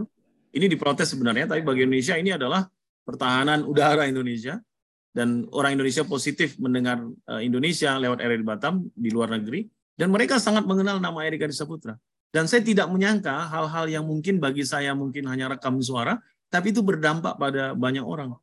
Saya menulis di Republika sampai 315 tulisan, saya tetap konsisten menulis. Nah, jadi ketika ada orang misalnya ya, saya saya kenapa bisa sampai mengajar di Fakultas Kedokteran di Gajah Mada, banyak orang pintar, mereka tahu saya dari kampus yang mungkin bukan kampus negeri, private, tapi mengapa mereka percaya? Nah, kita punya karya yang menurut mereka layak untuk mereka kuatkan. Coba kalau saya mungkin juga nggak ngambil peran di RRI, setahu saya bilang, ah di RRI nggak dibayar, ngapain juga? Ah di Republika juga nggak dikasih honor, ngapain juga? Dan saya nggak ngambil itu semua. Saya juga mungkin nggak akan pernah ketemu dengan mereka, ya kan? Nggak nambah relasi dan mungkin di ITT juga nggak mau. Tapi karena kita sudah banyak peran tadi itulah, eh, Prof. Agung, maka kita akan dilihat oleh banyak orang. Memang butuh tadi kesabaran, ya. Di radio saya bangun 10 tahun lebih, di Republika saya bangun jalan 7 tahun kok menulis itu. Nah, jadi orang kadang-kadang terlena dengan sesuatu yang instan. Mereka hanya lihat Prof. Agung, Prof. Nanang dengan suksesan sekarang, dengan sesuatu yang hebat, tapi mereka lupa bagaimana orang melakukan mereka sehingga bisa sukses. Maka satu kata kuncinya adalah siapa kita hari ini adalah akumulasi dari masa lalu kita dan siapa kita di masa depan bergantung investasi kita hari ini. Itu, Prof. Mantap, mantap, mantap, mantap. Jadi memang eh, ya mungkin sesuatu hal yang kita investasikan nggak berdampak sekarang, tapi tadi dengan banyaknya eh, mungkin beberapa rekaman, beberapa karya, someday pasti akan di, dikenang orang, walaupun memang tidak dalam bentuk nominal, tapi paling tidak eh, mungkin doa dan sebagainya. Kita nggak tahu kan. Jadi dari doa-doa itu mungkin juga eh, ada beberapa hal yang yang mungkin bisa di, dinikmati nantinya kan. Nah ini juga ada dari Mas Rahmat nih, katanya kalau di tempat kerja saya Pak kalau nggak kuliah dipandang sebelah mata. Gini dong berarti ya. Ya, ya, ya. ya. ya apalagi di sektor kita pendidik gitu ya, memang eh, masih pelik lah istilahnya. Kemarin mungkin teman-teman lihat YouTube bagaimana Mas Menteri Nadiem Makarim dihabiskan gitu ya. Banyak protes sana sini. Ya memang mengatur Indonesia tidak gampang sih sebetulnya. Banyak hal-hal yang mungkin di daerah barat agak mungkin secara passing grade tinggi sebelah timur tidak. Atau mungkin yang sekolah-sekolah swasta yang di daerah timur kurang perhatian juga bisa dan sebagainya ya ini tadi yang saya sampaikan keadilan sosial bagi seluruh rakyat Indonesia ini masih jadi problematika ya gitu. Apalagi kemarin BBM dan sebagainya. Kita turun subsidi dan sebagainya padahal di timur sana harga 50.000 santai-santai aja kan. Jadi ini memang momentumnya bagaimana kita eh, apa ya istilahnya menjaga eh, apa niatan kita untuk untuk terus uh, mengembangkan diri gitu. Sektornya sih banyak gitu ya. Uh, mungkin nggak bisa banyak dapat di ITTS ya nanti melalui uh, mungkin webinar atau datang ke kampus ketemu kami workshop ngobrol langsung dan sebagainya. Jadi uh, mungkin hal-hal itu yang bisa uh, apa, merubah motivasi menjadi sebuah energi yang positif itu ya. Apalagi mungkin kalau ke kampus kalau ketemu teman-teman yang vibe-nya juga sama, saya kira juga bisa membentuk gitu. Apalagi kalau kita bisa mempunyai ide, kemudian tadi disampaikan eh, langsung eksekusi produknya walaupun belum tahu hasilnya seperti apa, ya karena itu memang eh, menjaga keteguhan hati bahwa idealisme terkait dengan produk saya memang paling bagus. Nah, dari situ nanti ikut lomba, diperbaiki, ikut lomba, diperbaiki, sampai akhirnya nanti ketemu fundingnya. Itu. Mungkin ada yang lain nggak? Nih, ini kebetulan yang uh, Prof. Berli belum ready nih. Tunggu sebentar lagi katanya. Saya menambahkan Mas Agung. Oh, monggo Prof. Nanang. Silakan. Terima kasih Prof. Erik. Berjumpa lagi di Zoom. Terima kasih Pak Amit. Terima kasih Pak Amit hadir juga tadi. Sempat pamit tadi. Terima kasih teman-teman sekalian, uh, maba baru ya, mahasiswa baru UTTS. Selamat bergabung bersama kita. Semoga memang kita benar-benar bisa menjadi agen perubahan ya. Uh, tadi ada beberapa yang memang uh, sudah disampaikan sih kita kita apa namanya kita highlight juga. Yang pertama yang saya catat itu tentang attitude sebenarnya. Itu menurut saya sangat penting sekali. Jadi di mana pun kita berada, attitude itu nomor satu. Saya bukan uh, murni dosen sebenarnya. Saya hanya diminta saja untuk membantu, gitu. Tapi uh, saya lebih banyak di dunia industri. Jadi ketika kita berada di dunia industri, attitude itu menjadi nomor satu. Kalau Anda itu bodoh, kalau kita itu bodoh, kita itu nggak bisa. Kita itu bisa belajar, benar nggak? Belajarnya bisa dari mana saja. Di YouTube juga ada. Di apa namanya di kampus seperti sekarang ini juga kita belajar. Tapi attitude itu harus harus selalu dipegang di mana pun kita berada. Itu menjadi poin nomor satu di perusahaan kami. Pertimbangan atau prioritas utama ketika karyawan itu masuk adalah attitude-nya kita tidak melihat bahwa IPK-nya dia itu tinggi, tidak. Belum tentu. IPK yang tinggi, dia pintar seperti apa, belum tentu. Dia punya uh, apa namanya attitude yang baik. Maka attitude itu menjadi sangat penting buat siapa pun sebenarnya, gitu ya. Jadi kalau tadi saya uh, di chat tadi ada Mas siapa tadi yang bilang ya uh, apa namanya yang belum S1 gitu ya. itu dipandang sebelah mata katanya begini, jangan kecil Nah, bener pak. Gak apa-apa mas, justru itu menjadi tantangan buat kita gitu. Kita bisa membuktikan. Belum tentu juga mereka yang sudah S1, S2, S3 itu juga memiliki attitude yang baik mas. Bisa jadi mereka kenapa sih banyak yang mereka yang belum S1 mungkin S2 ya mereka sedang proses untuk S1 misalnya justru mereka memiliki attitude yang baik dan mereka eh, bisa dekat dengan pimpinan. Ya karena pimpinan tahu gitu. Mana yang baik dan mana yang tidak. Dari sisi pimpinan ya. Gitu. Makanya kadang bisa lebih dekat dengan orang yang paling di bawah itu pimpinan itu. Karena attitude gitu. Jadi lebih lebih bisa melihat ke sana. Jadi nggak usah berkecil hati Mas Rahmat Sidik tadi atau siapa tadi. Tetap tenang saja Mas. Kalau di dunia kerja ya begitu itu Mas. Itu. Jadi eh, tetap itu. Kemudian yang berikutnya adalah tentang time management yang ingin saya sampaikan juga bahwa tadi sampaikan sama Prof Erik ya, disampaikan sama Mas Agung juga. Benar bahwa kita ini kan saat ini hybrid ya sekolah. Kuliah ini kan hybrid.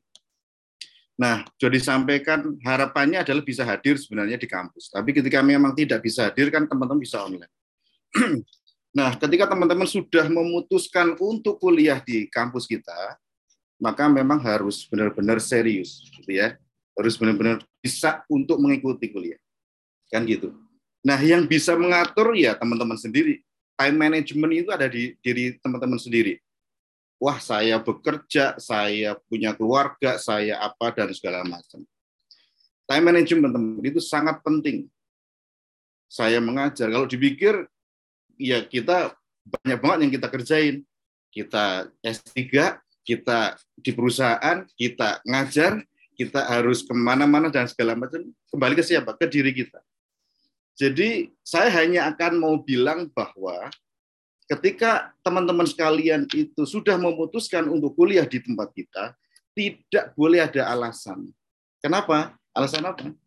Alasan untuk tidak mengikuti perkuliahan. Manajemen waktunya harus benar-benar diperhatikan. Kenapa ini saya sampaikan? Saya pengalaman di S2 saya, teman-teman sekalian.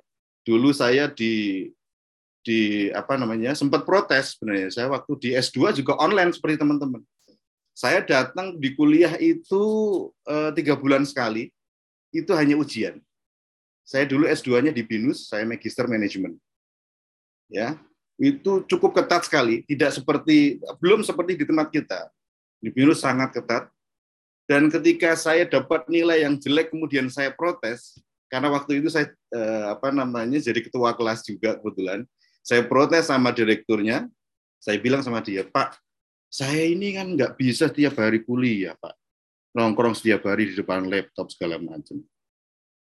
Dia bilang, dia bilang apa sama saya? Dia balik eh, sampaikan ke saya. Mas coba lihat yang lainnya. Itu teman-teman yang lainnya itu dia bisa. Dia nggak ada masalah dengan nilainya. Habis saya. Artinya nggak ada alasan buat saya untuk protes.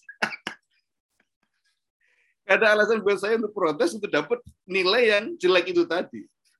Makanya ini saya sampaikan kepada teman-teman sekalian terkait dengan time management ini. Bagaimana kita bisa mengatur waktu kita saat belajar, saat bekerja, dan saat mungkin uh, di tempat yang lainnya, gitu ya. Nah, tidak ada alasan, gitu. Jadi bagaimana kita bisa serius di dalam kuliah kita ini. Dimarahi saya, Mas. Akhirnya saya nggak jadi protes. ya sudahlah, mau nggak mau saya akhirnya ngulang. Dan kalau ngulang berapa coba? Saya harus membayar uh, dua SKS. Satu SKS-nya itu dua juta tiga ratus. Dua SKS hampir 5 juta saya harus bayar. ya nggak apa-apa itu resiko saya. Artinya dengan seperti itu apa? Kemudian saya mencoba untuk bagaimana saya bisa cepat untuk lulus, gitu ya. S2 nggak usah lama-lama, satu setengah tahun lah maksimal lulus. Selesai, gitu. Nah akhirnya kemudian eh, alhamdulillah kita juga sedang progres untuk S3-nya juga. Eh, tapi S3-nya juga masih online di Proverik di, di UI Jogja juga saya. Oke, berikutnya adalah tentang ITTS sendiri lagi, bahwa jangan khawatir teman-teman sekalian bahwa teman-teman di ITTS termasuk dosen dan segala macamnya adalah teman-teman banyak yang praktisi. Lingkungan kita ini lingkungan industri. Banyak dari perusahaan yang sudah merapat ke kita. Kalau saya kalau saya tulis itu kemarin ada lebih dari 30 perusahaan yang sudah kerjasama dengan kita. Ini ada Prof. Ono juga. Beliau tahu persis dan setiap mereka itu datang ke kita, itu mereka selalu minta orang. Saya minta SDM dong. 5 sampai 10 orang. Ada yang data science, ada yang cyber security, ada yang jaringan, ada kemarin ada yang desain segala macam. Itu mereka selalu bilang. Itu teman-teman sekalian. Jadi tidak perlu khawatir tentang sebenarnya eh, apa namanya perkuliahan di ITTS ini. Dan kurikulum yang diberikan di kampus kita ini kita sesuaikan dengan kebutuhan industri. Gitu ya. Jadi misalnya data science, ini teman-teman dari Kaprodi juga kemarin sudah rapat dengan perusahaan data science ya, XQ Informatik. Nah, kemudian nanti ada tadi yang disampaikan Prof. Ona, ada Rudek dan Exilotech, itu bagian uh, security jaringan juga. Itu semua di apa namanya dijadikan ya untuk Eh, apa namanya bisa jadi satu kurikulum gitu ya buat pembelajaran teman-teman sekalian. Artinya apa? Ketika teman-teman itu nanti keluar atau lulus dari kita, itu benar-benar punya eh, apa ya kemampuan gitu, sudah sesuai dengan kebutuhan industri. Nah inilah kenapa ITTS itu ada. Mungkin juga ini yang membedakan kita dari yang lainnya. Jadi ketika orang butuh, perusahaan butuh, kita bisa memberikan itu mungkin jawaban dari industri yang selama ini memang agak susah untuk mendapatkan orang-orang yang tepat. Itu salah satunya ada di situ itu.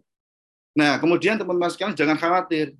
Eh, apa namanya? Berikutnya yang eh, ini adalah teman-teman latih terus diri ya, karena banyak sekali workshop di tempat kita, webinar dan segala macam itu banyak banget. Itu free, sertifikat kalau kalian mau cari sertifikat 100 eh, pun bisa dapat dalam waktu yang dekat. Karena kita eh, webinar itu sebulan itu bisa beberapa kali. Ada webinar, ada workshop. Kalau workshop mungkin ada yang terbatas. Kita biasanya workshop itu sekitar 10 sampai 20 orang itu terbatas. Kemarin kita udah mulai dari IoT, itu udah jalan semuanya. Gitu ya. Nah, yang ingin saya sampaikan di sini yang terakhir adalah tentang personal branding. Tadi disampaikan di depan sama Prof. Ono itu bahwa ada dari mahasiswa kita yang eh, apa namanya sudah menulis buku. Itulah personal branding sebenarnya yang yang bisa kemudian mengalahkan apa ya mahasiswa-mahasiswa di tempat lain ya yang mungkin secara berdiri mereka sudah lama ya kalau ditanyakan apa yang membedakan kamu dari eh, kamu dengan mahasiswa lainnya ITB misalnya UI mana lagi UGM segala macam. Apa yang beda? Sama-sama lulus S1, Mas. Yang bedain apa? Podo-podo sama-sama lulus S1. Kalau di kalau ditanya ya saya sama-sama lulus S1, saya S1 di ITTS, satunya lagi S1 di UGM, satu lagi di ITB. Yang bedain apa? Kamu punya apa kan gitu ya? Itulah kenapa tadi Prof di depan itu sudah ngegas tentang nulis buku itu itu tadi. Personal brandingnya ada di sana. Itu yang membedakan.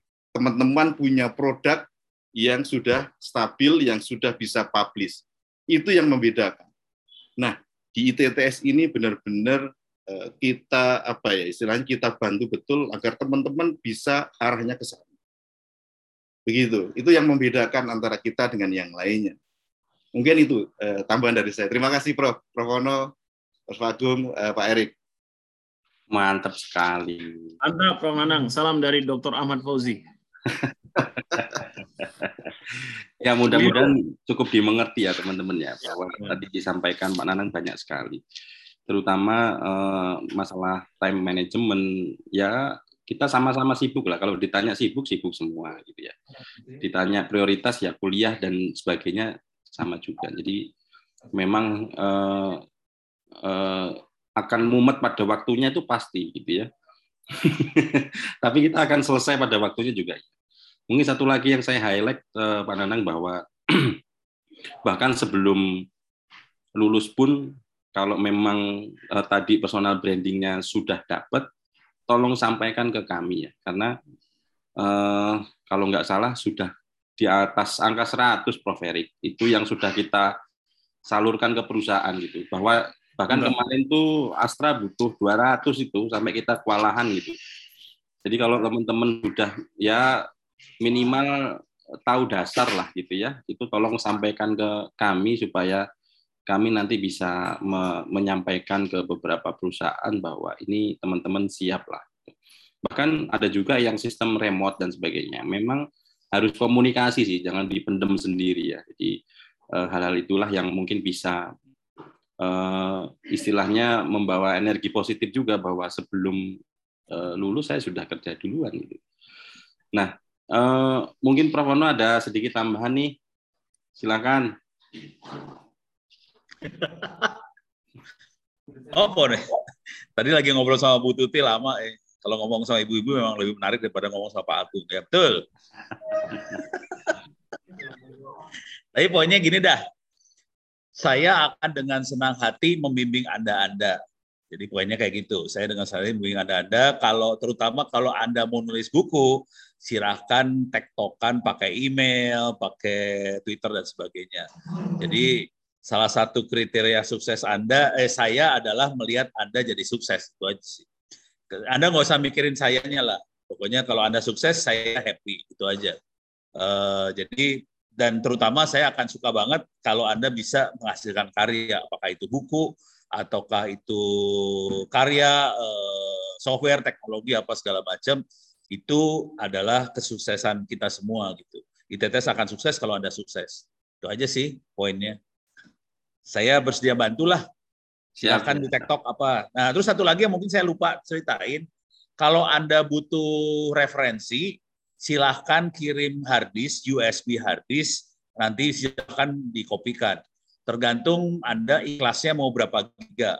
Kalau untuk cyber security minimalnya sekitar 300 sampai 500 giga kira-kira kayak gitu. Isinya buku tok. Kalau mau pakai video-video segala macam bisa sampai 800 giga. Kalau mau lengkap untuk perusahaan satu kampus ya sekitar 8 tera sih sampai 12 tera. Oh, itu ada yang udah siap satu tera. Silahkan kirim harddisknya ke rumah saya ya. Jadi saya kerjanya ngopiin harddisk sih. Nanti bayarnya pakai apa? Bayarnya pakai doa sesudah sholat. Udah itu aja bayarnya. Gitu. Siap ya? Ya ini ini Prof Erik udah masuk ilmunya tasawuf ya. luar biasa, luar biasa. Ya, jadi sudah sudah enggak istilahnya eh, doakan para dosen-dosennya pada sehat, terutama Prof Hono ini. Jadi eh, doanya eh, apa buk, eh, tidak lanjutnya adalah dalam bentuk doa gitu ya. Jadi eh, memang ya beginilah ITTS kalau dosen-dosennya juga Eh, semuanya pasang langsung gigi empat ini gitu jadi nggak macam-macam bahwa di mungkin apa ya eh, ada beberapa hal yang agak berbeda juga tadi Pak Nanang saya sampaikan kalau misalkan mungkin dari aspek eh, mata kuliah juga saya sampaikan bahwa yang berat-berat itu ada di depan. Terus kemudian apa namanya yang sedang-sedang itu ada di tengah. Eh, memang satu lagi hal yang tidak mungkin kita tinggalkan adalah belajar matematika karena semua akan matematika pada waktunya. Gitu. Mau sampai S3 juga matematika kembali. Itu mau IoT, kemudian ada X or N dan sebagainya, kemudian coding ada algoritma pemrograman, kemudian ada jaringan bagaimana kita main IP tables dan sebagainya, firewalling dan sebagainya ya memang matematika pada waktunya gitu. Nah, jadi kalau ketemu eh, apa matematika ya jangan inilah ya. Nonton si Jerome Pauline aja dah. gitu. Nah, eh, mungkin Prof Erik ada tambahan lagi? Ya, terima kasih Prof Agung inspirasinya dan Prof Ono, Prof Nanang tadi ya. Jadi eh, pada dosen dan mahasiswa baru sekalian, eh, ada satu satu novel ya yang uh, sangat bagus. Judulnya itu Semoga Bunda Disayang Allah. Nah, kebetulan itu diterbitkan oleh Republika.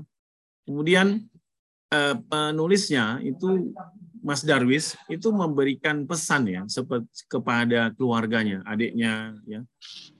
Uh, Mas Darwis ini kalau nulis novel dia sering pakai nama Terelie. Nah, jadi di satu pesan untuk keluarganya itu tadi adalah kebahagiaan itu adalah kesetiaan. Nah, apa saja bahagia itu adalah kesetiaan? Yang pertama adalah setialah berbuat baik. Jadi berbagi ilmu, kemudian eh, sharing banyak pengetahuan, berkolaborasi, anda baik sama orang, Anda baik ikuti kuliah, Anda baik menerima semuanya, dan kebaikan itu akan balik lagi kepada Anda. Karena investasi baik itu nggak ada kan balasan kebaikan juga. Dalam agama Islam juga dikatakan itu hal zazaul isan ilal isan. Jadi nggak ada balasan kebaikan itu kecuali kebaikan juga. Yang kedua adalah setialah merasa cukup. Nah ini arti diperbudak oleh hawa nafsu, tapi kita tahu bahwa banyak kita syukuri, sedikit kita syukuri. Ya, kenapa? Banyak syukuri, sedikit bersyukurlah karena itu akan membuat kita lebih tenang. Ya. Banyak berarti kita bisa berbagi banyak kepada orang lain, sedikit berarti kita diminta untuk lebih sabar dan terus melakukan banyak hal positif dan baik untuk mengupgrade kemampuan kita. Dan yang ketiga adalah setialah terus untuk berbagi kepada orang lain. Nah, jadi tiga ini akan merujuk kepada kebahagiaan. Ada mahasiswa, dia sudah lulus, dia sudah bekerja, dia tanya kepada saya, Pak Erik, apa sebenarnya uh, ending sukses menurut Pak Erik? Saya sudah bekerja, saya sudah punya penghasilan, saya sudah punya banyak, ya, adalah semua, rumah ada segala macam sudah ada, tapi kok saya merasa kok nggak puas, nggak puas, nggak puas, itu kenapa? Saya bilang, karena inti sukses adalah satu, kebahagiaan. Anda bahagia nggak dengan apa yang Anda lakukan? Nah, ketika Anda nggak bahagia, maka Anda harus mencari di luar. Balik lagi, makanya eh, Bapak Ibu dan kakak sekalian, ya fokus pada apa yang Anda ingin lakukan. Yakinlah bahwa investasi sekarang ini akan cair pada masa yang tepat, di masa yang akan datang, di situlah kesuksesan Anda dan keluarga Anda bangga kepada Anda. Bahkan calon mertua bangga punya menantu seperti Anda. Sehat dan terus terinspirasi. Terima kasih, Prof. Mantap sekali. Jadi memang ini ya, apa namanya, uh, memang kebutuhan uh, setiap individu memang beda-beda, tapi memang harus dimulai dari sekarang sih. Jadi hal-hal yang berkaitan dengan ya ada kalanya memang nggak harus belajar terus sih, perlu healing-healing lah gitu, tapi membangun uh, healing yang positif juga tentunya perlu. Selamat datang Prof. Derli. Baik, terima kasih. Oh, sudah datang ini. Alhamdulillah. sudah standby. Baik, uh, terima kasih Pak Erik atas sharing sessionnya membangun energi positif di perkuliahan. Mudah-mudahan uh, apa yang disampaikan tadi uh, mampu membawa kita ke arah yang lebih baik. Amin. Kemudian ini seharusnya tadi sesi pertama, cuma karena beliau lagi ada uh, keperluan sebentar, maka kita geser gitu. Uh, Prof. Berli, uh, untuk kiat-kiat sukses lulus cepat nih bagaimana? Waktu dan tempat saya persilahkan. Baik, terima kasih uh, Pak Agung, selaku Wakil Rektor di ITTS. Bismillahirrahmanirrahim. Assalamualaikum warahmatullahi wabarakatuh. Waalaikumsalam. Salam sehat bagi kita semua. Yang saya hormati teman-teman pimpinan uh, dari Institut Teknologi Tangerang Selatan, pembicara kita yang sangat luar biasa, Mas Erik Hadi Saputra. Beliau uh, seorang motivator yang begitu luar biasa, ilmunya banyak, semangatnya luar biasa, sehingga adik-adik sekalian bisa belajar dari uh, Mas Erik supaya teman-teman semua di sini mahasiswa baru Institut Teknologi Tangerang Selatan bisa nantinya sukses semuanya. Beliau dulu S1, S2, saya mengikuti betul uh, setiap gerak langkahnya Mas Erik. Dan saya salah satu orang yang mengagumi beliau karena kerja keras beliau dan lain sebagainya. Adik-adik sekalian, hari ini saya diminta oleh Pak Agung selaku Wakil Rektor berkaitan dengan memotivasi Anda bagaimana kiat untuk sukses kuliah. Uh, saya akan slide-nya sudah terlihat. Uh, saya akan uh, akan akan share share, share materi. Share screen, mungkin kayaknya belum deh. Ah ini baru kelihatan. Oh baru kelihatan. Sambil mungkin nyun sewu, Prof. Beli, uh, mic-nya agak didekatkan karena suaranya belum. Oke, okay, baik. Suara saya kedengaran? Ya sudah. Baik, uh, saudara-saudara sekalian, mahasiswa baru uh, ITTS yang berbahagia. Uh, Institut Teknologi Tangerang Selatan ini merupakan sebuah lembaga pendidikan tinggi yang begitu luar biasa yang menjadi akan pusat teknologi nasional yang berkelas dunia. Ini menggambarkan bahwa cita-cita dari teman-teman di ITTS ini sangat luar biasa dan patut harus kita dukung semuanya. Semua ini akan terjadi ketika terjadi kolaborasi antara pengelola, dosen, dan mahasiswa mimpi menjadi pusat teknologi nasional berkelas dunia sudah ada di depan mata. Karena dosen-dosen dan pemimpin-pemimpin yang ada di ITTS ini semua concern dan fokus terhadap memang eh, pengembangan teknologi yang ada di negara kita. Sehingga patut kita syukuri kita bisa bergabung dan menjadi bagian dari keluarga besar. Ada Prof. Ono, ada Pak Agung, ada Pak Rektor, Pak Hanafi, ada Pak Nanang selaku Wakil Rektor, ini orang-orang yang memang sangat berkecimpung dan sangat concern terhadap uh, perkembangan teknologi nasional dan view-nya itu tidak hanya sekedar Indonesia tetapi sudah view di tingkat dunia. Baik, uh, selanjutnya Mas.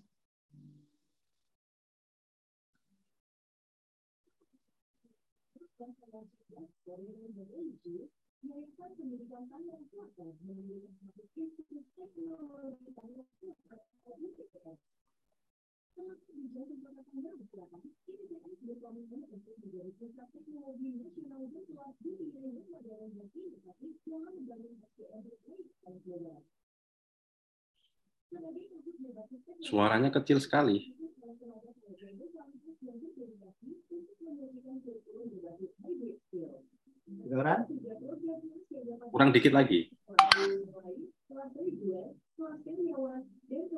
Telah nasional berkelas dunia yang modern dan inovatif dalam. Ya, oke. Okay.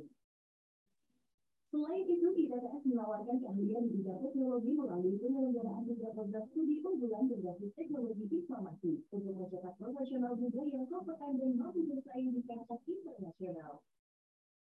Proses pembelajaran ITTS menunjukkan fasilitas terbaik guna mendukung perkembangan studi mahasiswa sebagai komitmen kami untuk mencetak generasi yang unggul dan kompeten. Institut Teknologi Tangerang Selatan, Pusat Teknologi Nasional Berkelas Dunia, untuk informasi dan pendaftaran kunjungi itts.ac.id.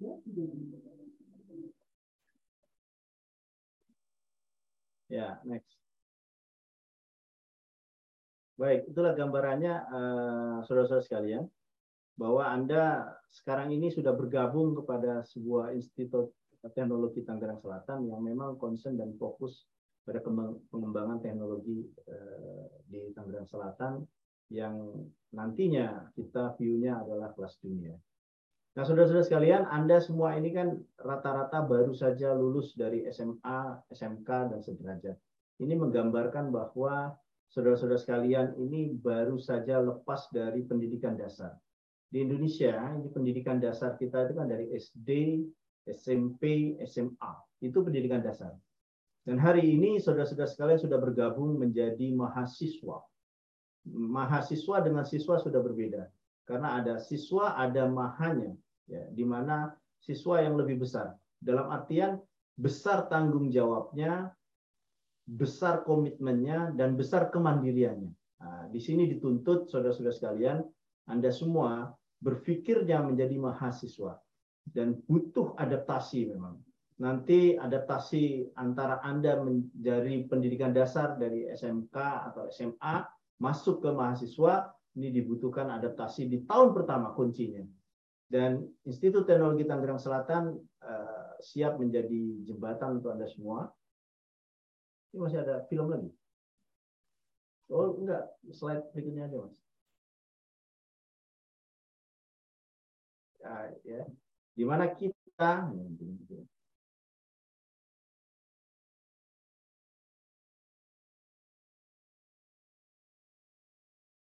ya berkomitmen gitu ya. Berkomitmen untuk eh, mencerdaskan kehidupan bangsa melalui Institut Teknologi Tangerang Selatan. Di mana di sini kita punya visi ya, mewujudkan sumber daya manusia yang berakhlak mulia modern dan inovatif serta berakademik unggul yang berbasis teknopreneur. Di mana kondisi ini penting sekali sehingga Institut Teknologi Tangerang Selatan ini berkonsentrasi di bidang kemajuan teknologi dan bisnis digital.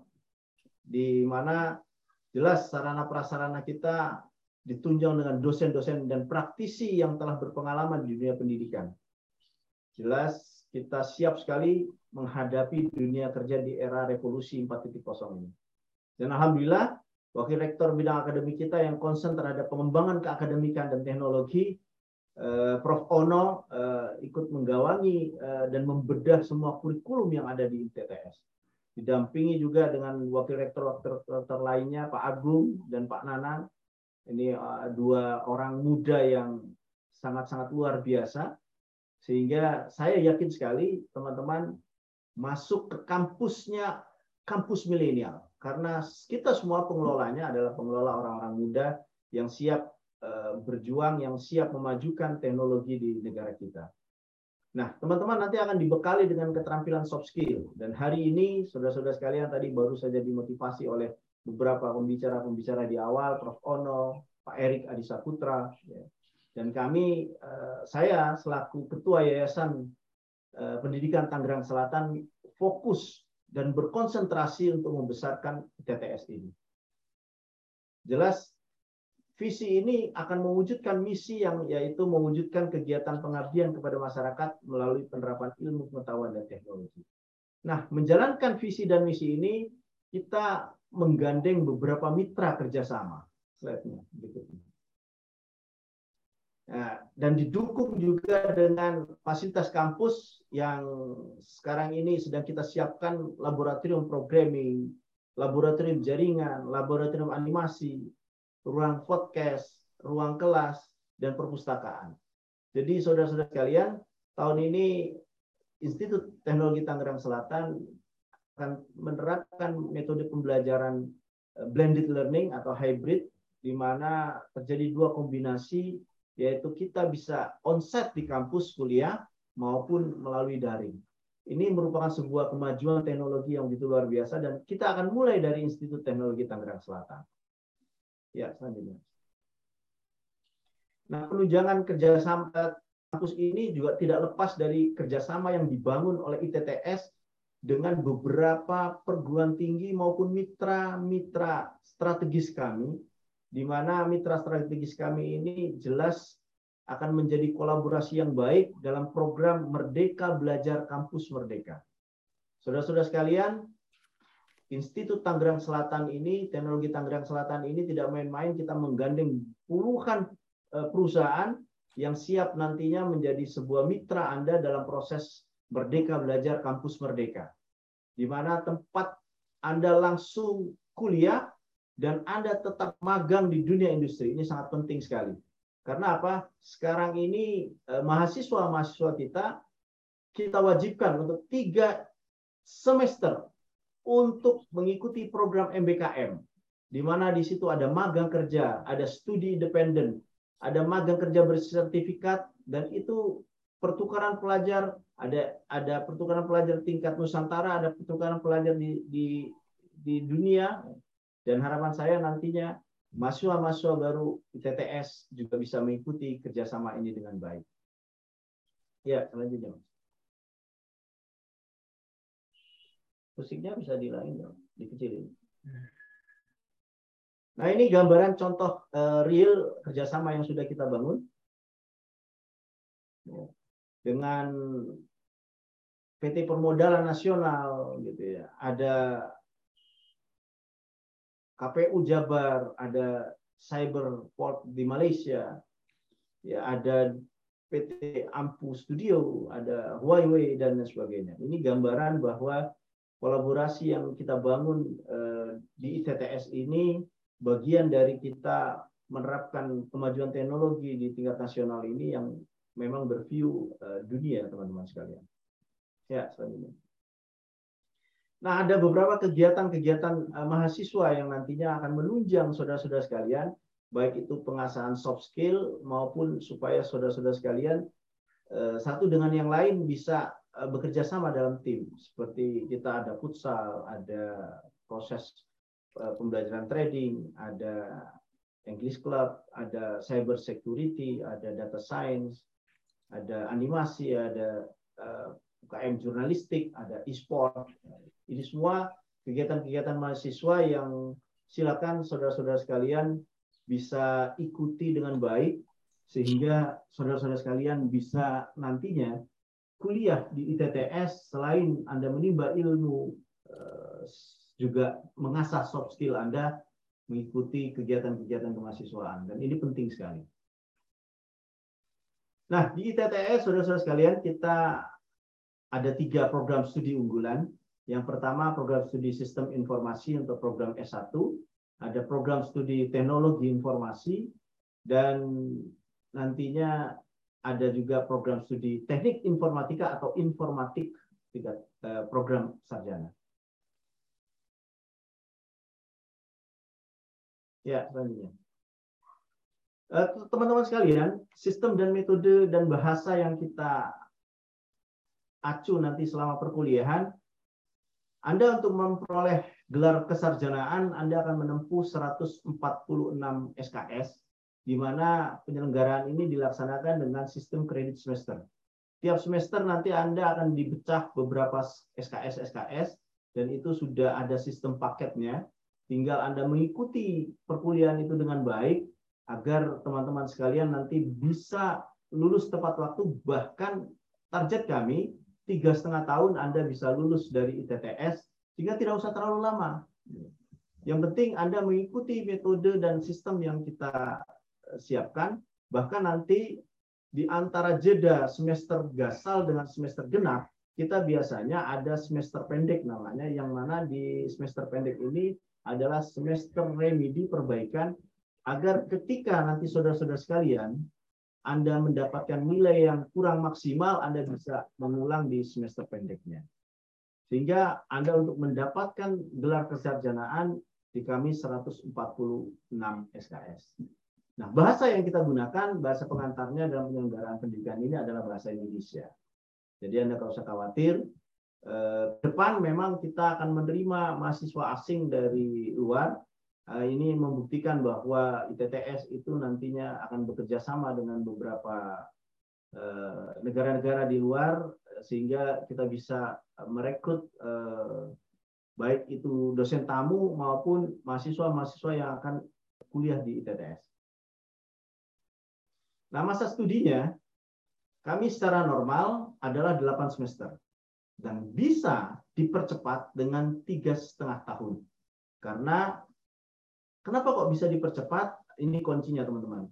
Di semester 8 itu hanya 6 SKS dan itu hanya untuk skripsi. Sehingga sebenarnya secara teori Anda sudah bisa menempuh di semester 7 itu teori sudah habis. Nah, kalau itu semua Anda bisa lakukan dengan baik di masa masa Anda kuliah dan satu tahun pertama saudara-saudara sekalian ini bisa meraih gelar maaf mendapatkan nilai yang baik gitu ya. Nilai yang dapat yang baik misalnya di atas 3,3 Anda bisa mengambil maksimal SKS. Kita nanti akan tebar antara 20, 21, 22 SKS, tapi kalau nilai baik yang Anda peroleh itu 3,3 IPK-nya, maka saudara-saudara sekalian bisa maksimalkan mengambil 24 SKS. Nah, kalau Anda sudah bisa mengambil 24 SKS, maka saya yakini, saya jamin sekali, saudara-saudara sekalian bisa lulus tiga setengah tahun. Kalau Anda lulus cepat, maka bisa lebih sukses lebih cepat dengan biaya yang lebih terjangkau karena hanya Anda bayar 7 semester. Yang kedua, Anda bisa bekerja lebih cepat. Nah, tetapi kita juga paling lamanya 7 tahun atau 14 semester. Ini sudah aturan dari pemerintah. Jadi walaupun saking cintanya Anda pada ITTS, tetap kita akan batasi kuliah Anda 14 semester. Nah, kita ada program memang nanti di kalau Anda sudah dari 4 tahun lebih, biasanya kami nanti akan memberikan advice bahwa saudara-saudara sekalian ini kita ingatkan Anda sudah melebihi dari empat tahun, maka akan kita pantau dan kita bimbing secara khusus supaya memang benar-benar tepat waktu. Dan kita punya komitmen betul supaya saudara-saudara sekalian ini bisa kuliah normal empat tahun dan tidak usah lama-lama eh, studi di S1 di Institut Teknologi Tangerang Selatan. Nah, saudara-saudara sekalian, pendaftaran mahasiswa baru kita tahun 2022 dan 2023 ini akan berakhir besok ya tanggal 31 September. Sehingga kalau masih ada saudara Anda, masih ada family Anda, kawan dekat Anda atau siapa pun yang Anda kenal kok belum menentukan eh, pilihannya, silakan. Anda bisa bawa eh, mereka, Anda bisa kenalkan ITTS karena ITTS akan memberikan yang terbaik bagi mahasiswa-mahasiswanya sehingga mudah-mudahan saudara-saudara sekalian bisa kuliah dengan nyaman, bisa kuliah dengan baik di ITTS dan bisa meraih ilmunya dari para pakar yang memang sudah kita siapkan semuanya. Nah, ada beberapa beasiswa yang nantinya akan kita gulirkan eh, di tahun 2022 dan selanjutnya. Yang pertama adalah ada beasiswa peningkatan prestasi akademik. Ini biasanya akan kita ajukan di melalui pemerintah. Ada beasiswa institusi, ada beasiswa yayasan. Beasiswa yayasan ini eh, kami melihat dan memandang perlu membantu mahasiswa-mahasiswa kita yang berprestasi. Ada juga beasiswa kartu Indonesia Pintar Kuliah. Nah, tetapi ini biasanya nanti pada saat Anda menjadi mahasiswa baru dan ini akan kita lakukan. Dan insya Allah ini akan kita ajukan tahun depan eh, program di TTS akan mulai eh, memperoleh eh, beasiswa Kartu Indonesia Pintar Kuliah. Nah, apa syarat-syaratnya untuk mendapatkan beasiswa? Sederhana, saudara-saudara sekalian. Yang pertama, Anda berprestasi. Yang kedua, teman-teman Anda mengikuti semua kegiatan-kegiatan baik akademik maupun kegiatan-kegiatan non-akademik yang ada di TTS dan ini yang paling penting. Anda mengikuti lomba, juara membawa nama harum Institut Teknologi Tangerang Selatan. Jelas, kalau Anda sudah melakukan itu semua, pasti Anda akan memperoleh beasiswa yang kita prioritaskan. Dan tidak main-main, kita sangat banyak sekali kerjasama dengan beberapa perusahaan-perusahaan agar mahasiswa-mahasiswa kita itu nantinya akan kita berikan bantuan-bantuan beasiswa agar memperlancar studinya selama kuliah di Institut Teknologi Sanggarang Selatan.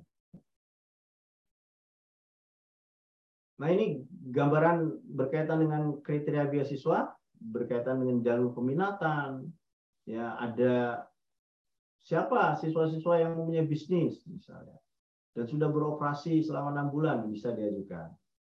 Bisa beasiswa berkaitan dengan media sosial. Dia memiliki akun YouTube dengan minimal ya, minimal 1000 subscriber atau TikTok dengan 3000 followers, Instagram dengan 10.000 followers. Wah, ini bagi orang-orang milenial ini sangat mungkin sekali. Dan Anda punya kemampuan bidang komputer, memiliki potensi dan bakat, minat di bidang pemrograman jaringan, pengetahuan dan penguasaan software lainnya. Bahkan Anda bisa nanti belajar dengan pakarnya langsung, Prof. Ono, di mana saudara-saudara sekalian terbukti beberapa mahasiswa-mahasiswa kita sangat luar biasa kemampuannya melompat melebihi ekspektasi yang mereka harapkan. Dan mungkin teman-teman juga punya kemampuan di bidang multimedia yang hobi berkaitan dengan kemampuan memproduksi konten-konten digital, bentuk bisa dalam bentuk fotografi, videografi, atau animasi.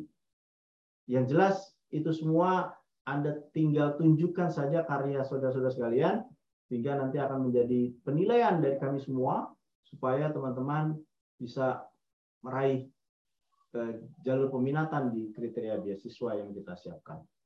Nah, pesan saya teman-teman sekalian, silakan Anda manfaatkan eh, kondisi ini dengan baik dan mari komitmenkan pada diri kita bahwa saudara-saudara sekalian, Anda semua sekarang sudah berada di jalur eh, mahasiswa, saudara-saudara sekalian memiliki tanggung jawab yang tinggi terhadap masa depan Anda karena masa depan Anda sangat ditentukan dengan komitmen dan motivasi Anda semua. Di mana saudara-saudara sekalian, Institut Teknologi Tangerang Selatan ini hanya sebagai wadah saja dan jembatan saja menuju Anda itu kesuksesan. Ya, selanjutnya. Nah, ini kalau tadi yang saya katakan di jalur prestasi, Anda mengikuti kejuaraan-kejuaraan, dan minimal itu tingkat kabupaten kota. Anda membawa nama besar, nama baik mengharumkan Institut Teknologi Tangerang Selatan.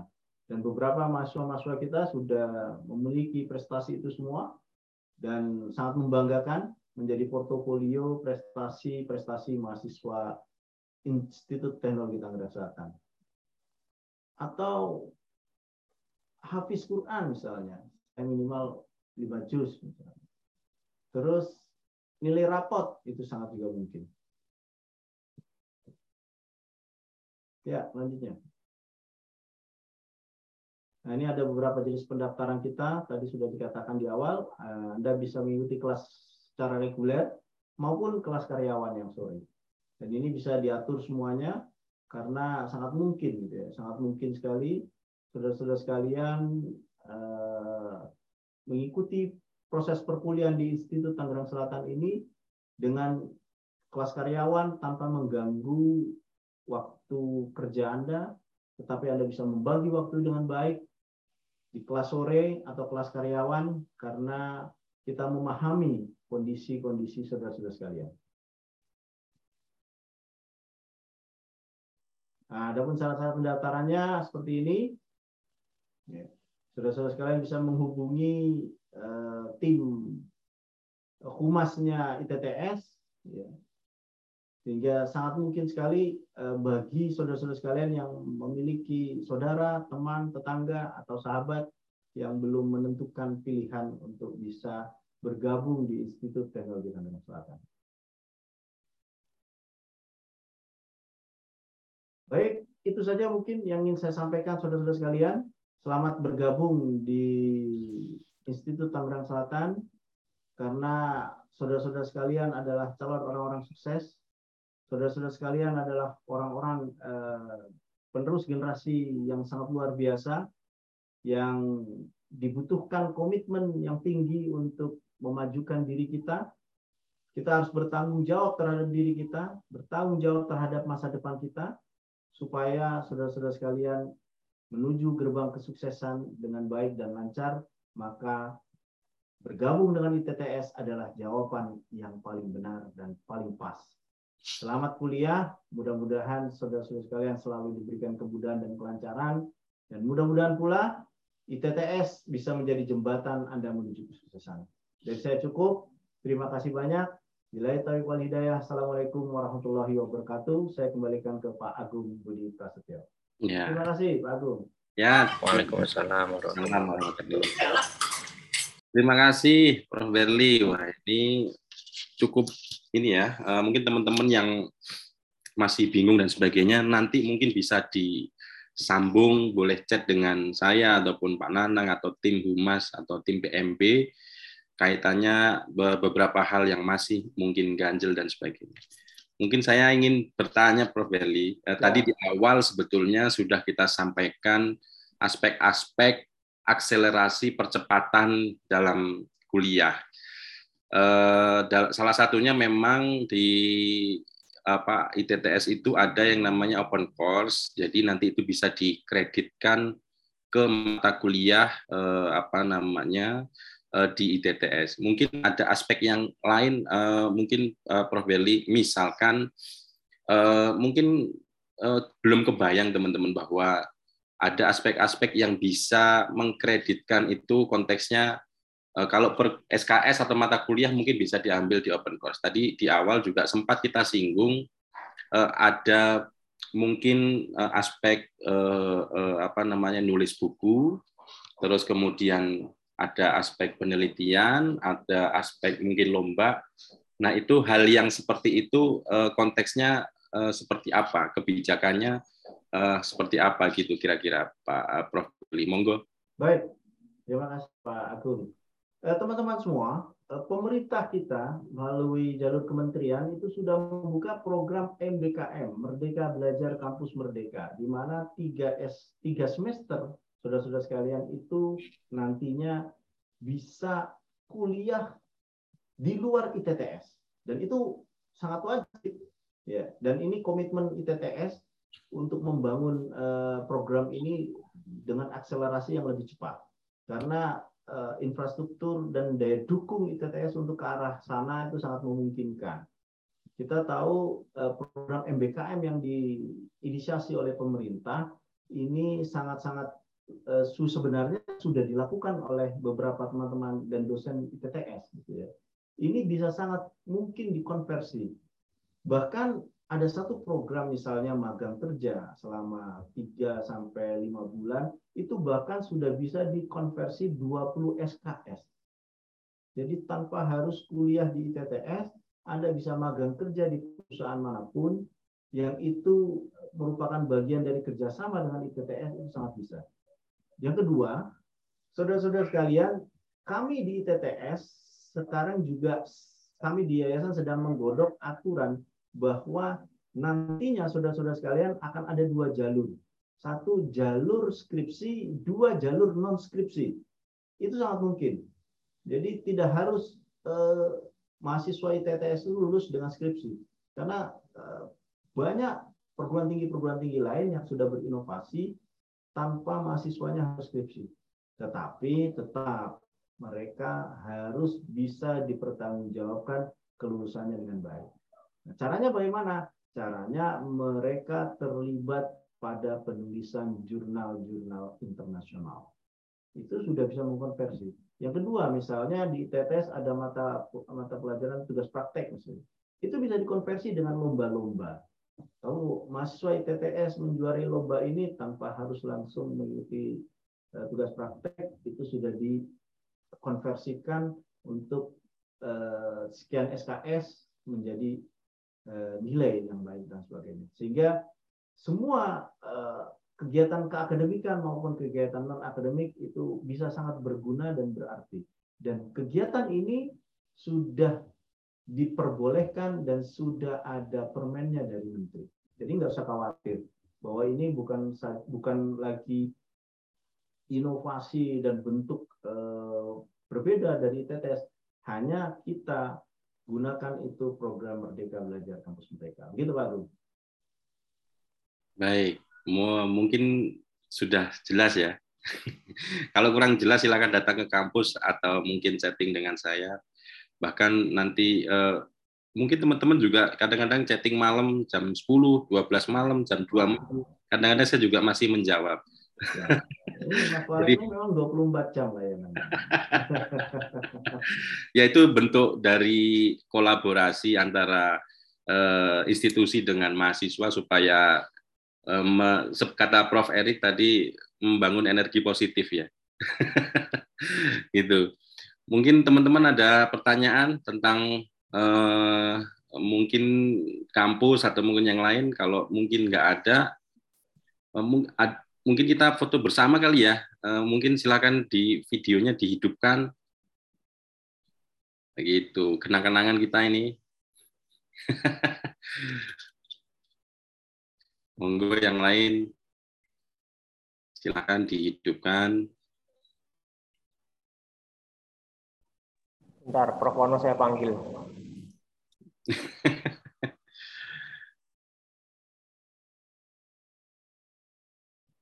Prof Erik masih di situ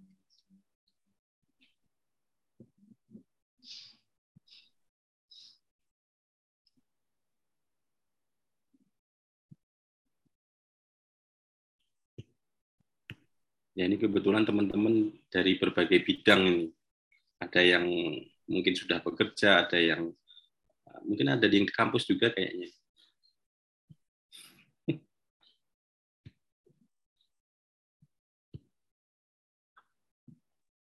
Sip, siap foto. Wah, Pengumumannya sudah datang. ya ini kan nanti penting ini buat apa namanya teman-teman saya dengan Prof Wono kan gitu. Oke ya, saya mulai ya. Senyum ya. Satu, dua, tiga. Oke. Bentar, halaman berikutnya saya belum. Mbaknya yang cantik-cantik hidupin dong. Iya. Oke, terima kasih teman-teman semua. Eh, acara program kampus unggulan eh, selesai. Kemudian eh, nanti pada tanggal 3 Oktober Senin sesuai dengan jadwal yang saya kirimkan di grup.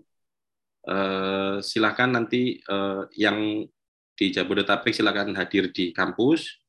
Kalau memang masih ada terkendala jarak, ya silakan karena kita masih hybrid. Eh, nanti eh, silakan bergabung. Kemudian eh, kemarin saya sampaikan bahwa eh, apa namanya eh, ada satu interaksi kita dengan dosen nanti melalui e-learning. Itu eh, username passwordnya akan saya kirimkan nanti. Silahkan dicoba bagi yang belum punya NIM karena baru mendaftar eh, silakan hubungi mungkin bagian akademik atau saya nanti saya teruskan.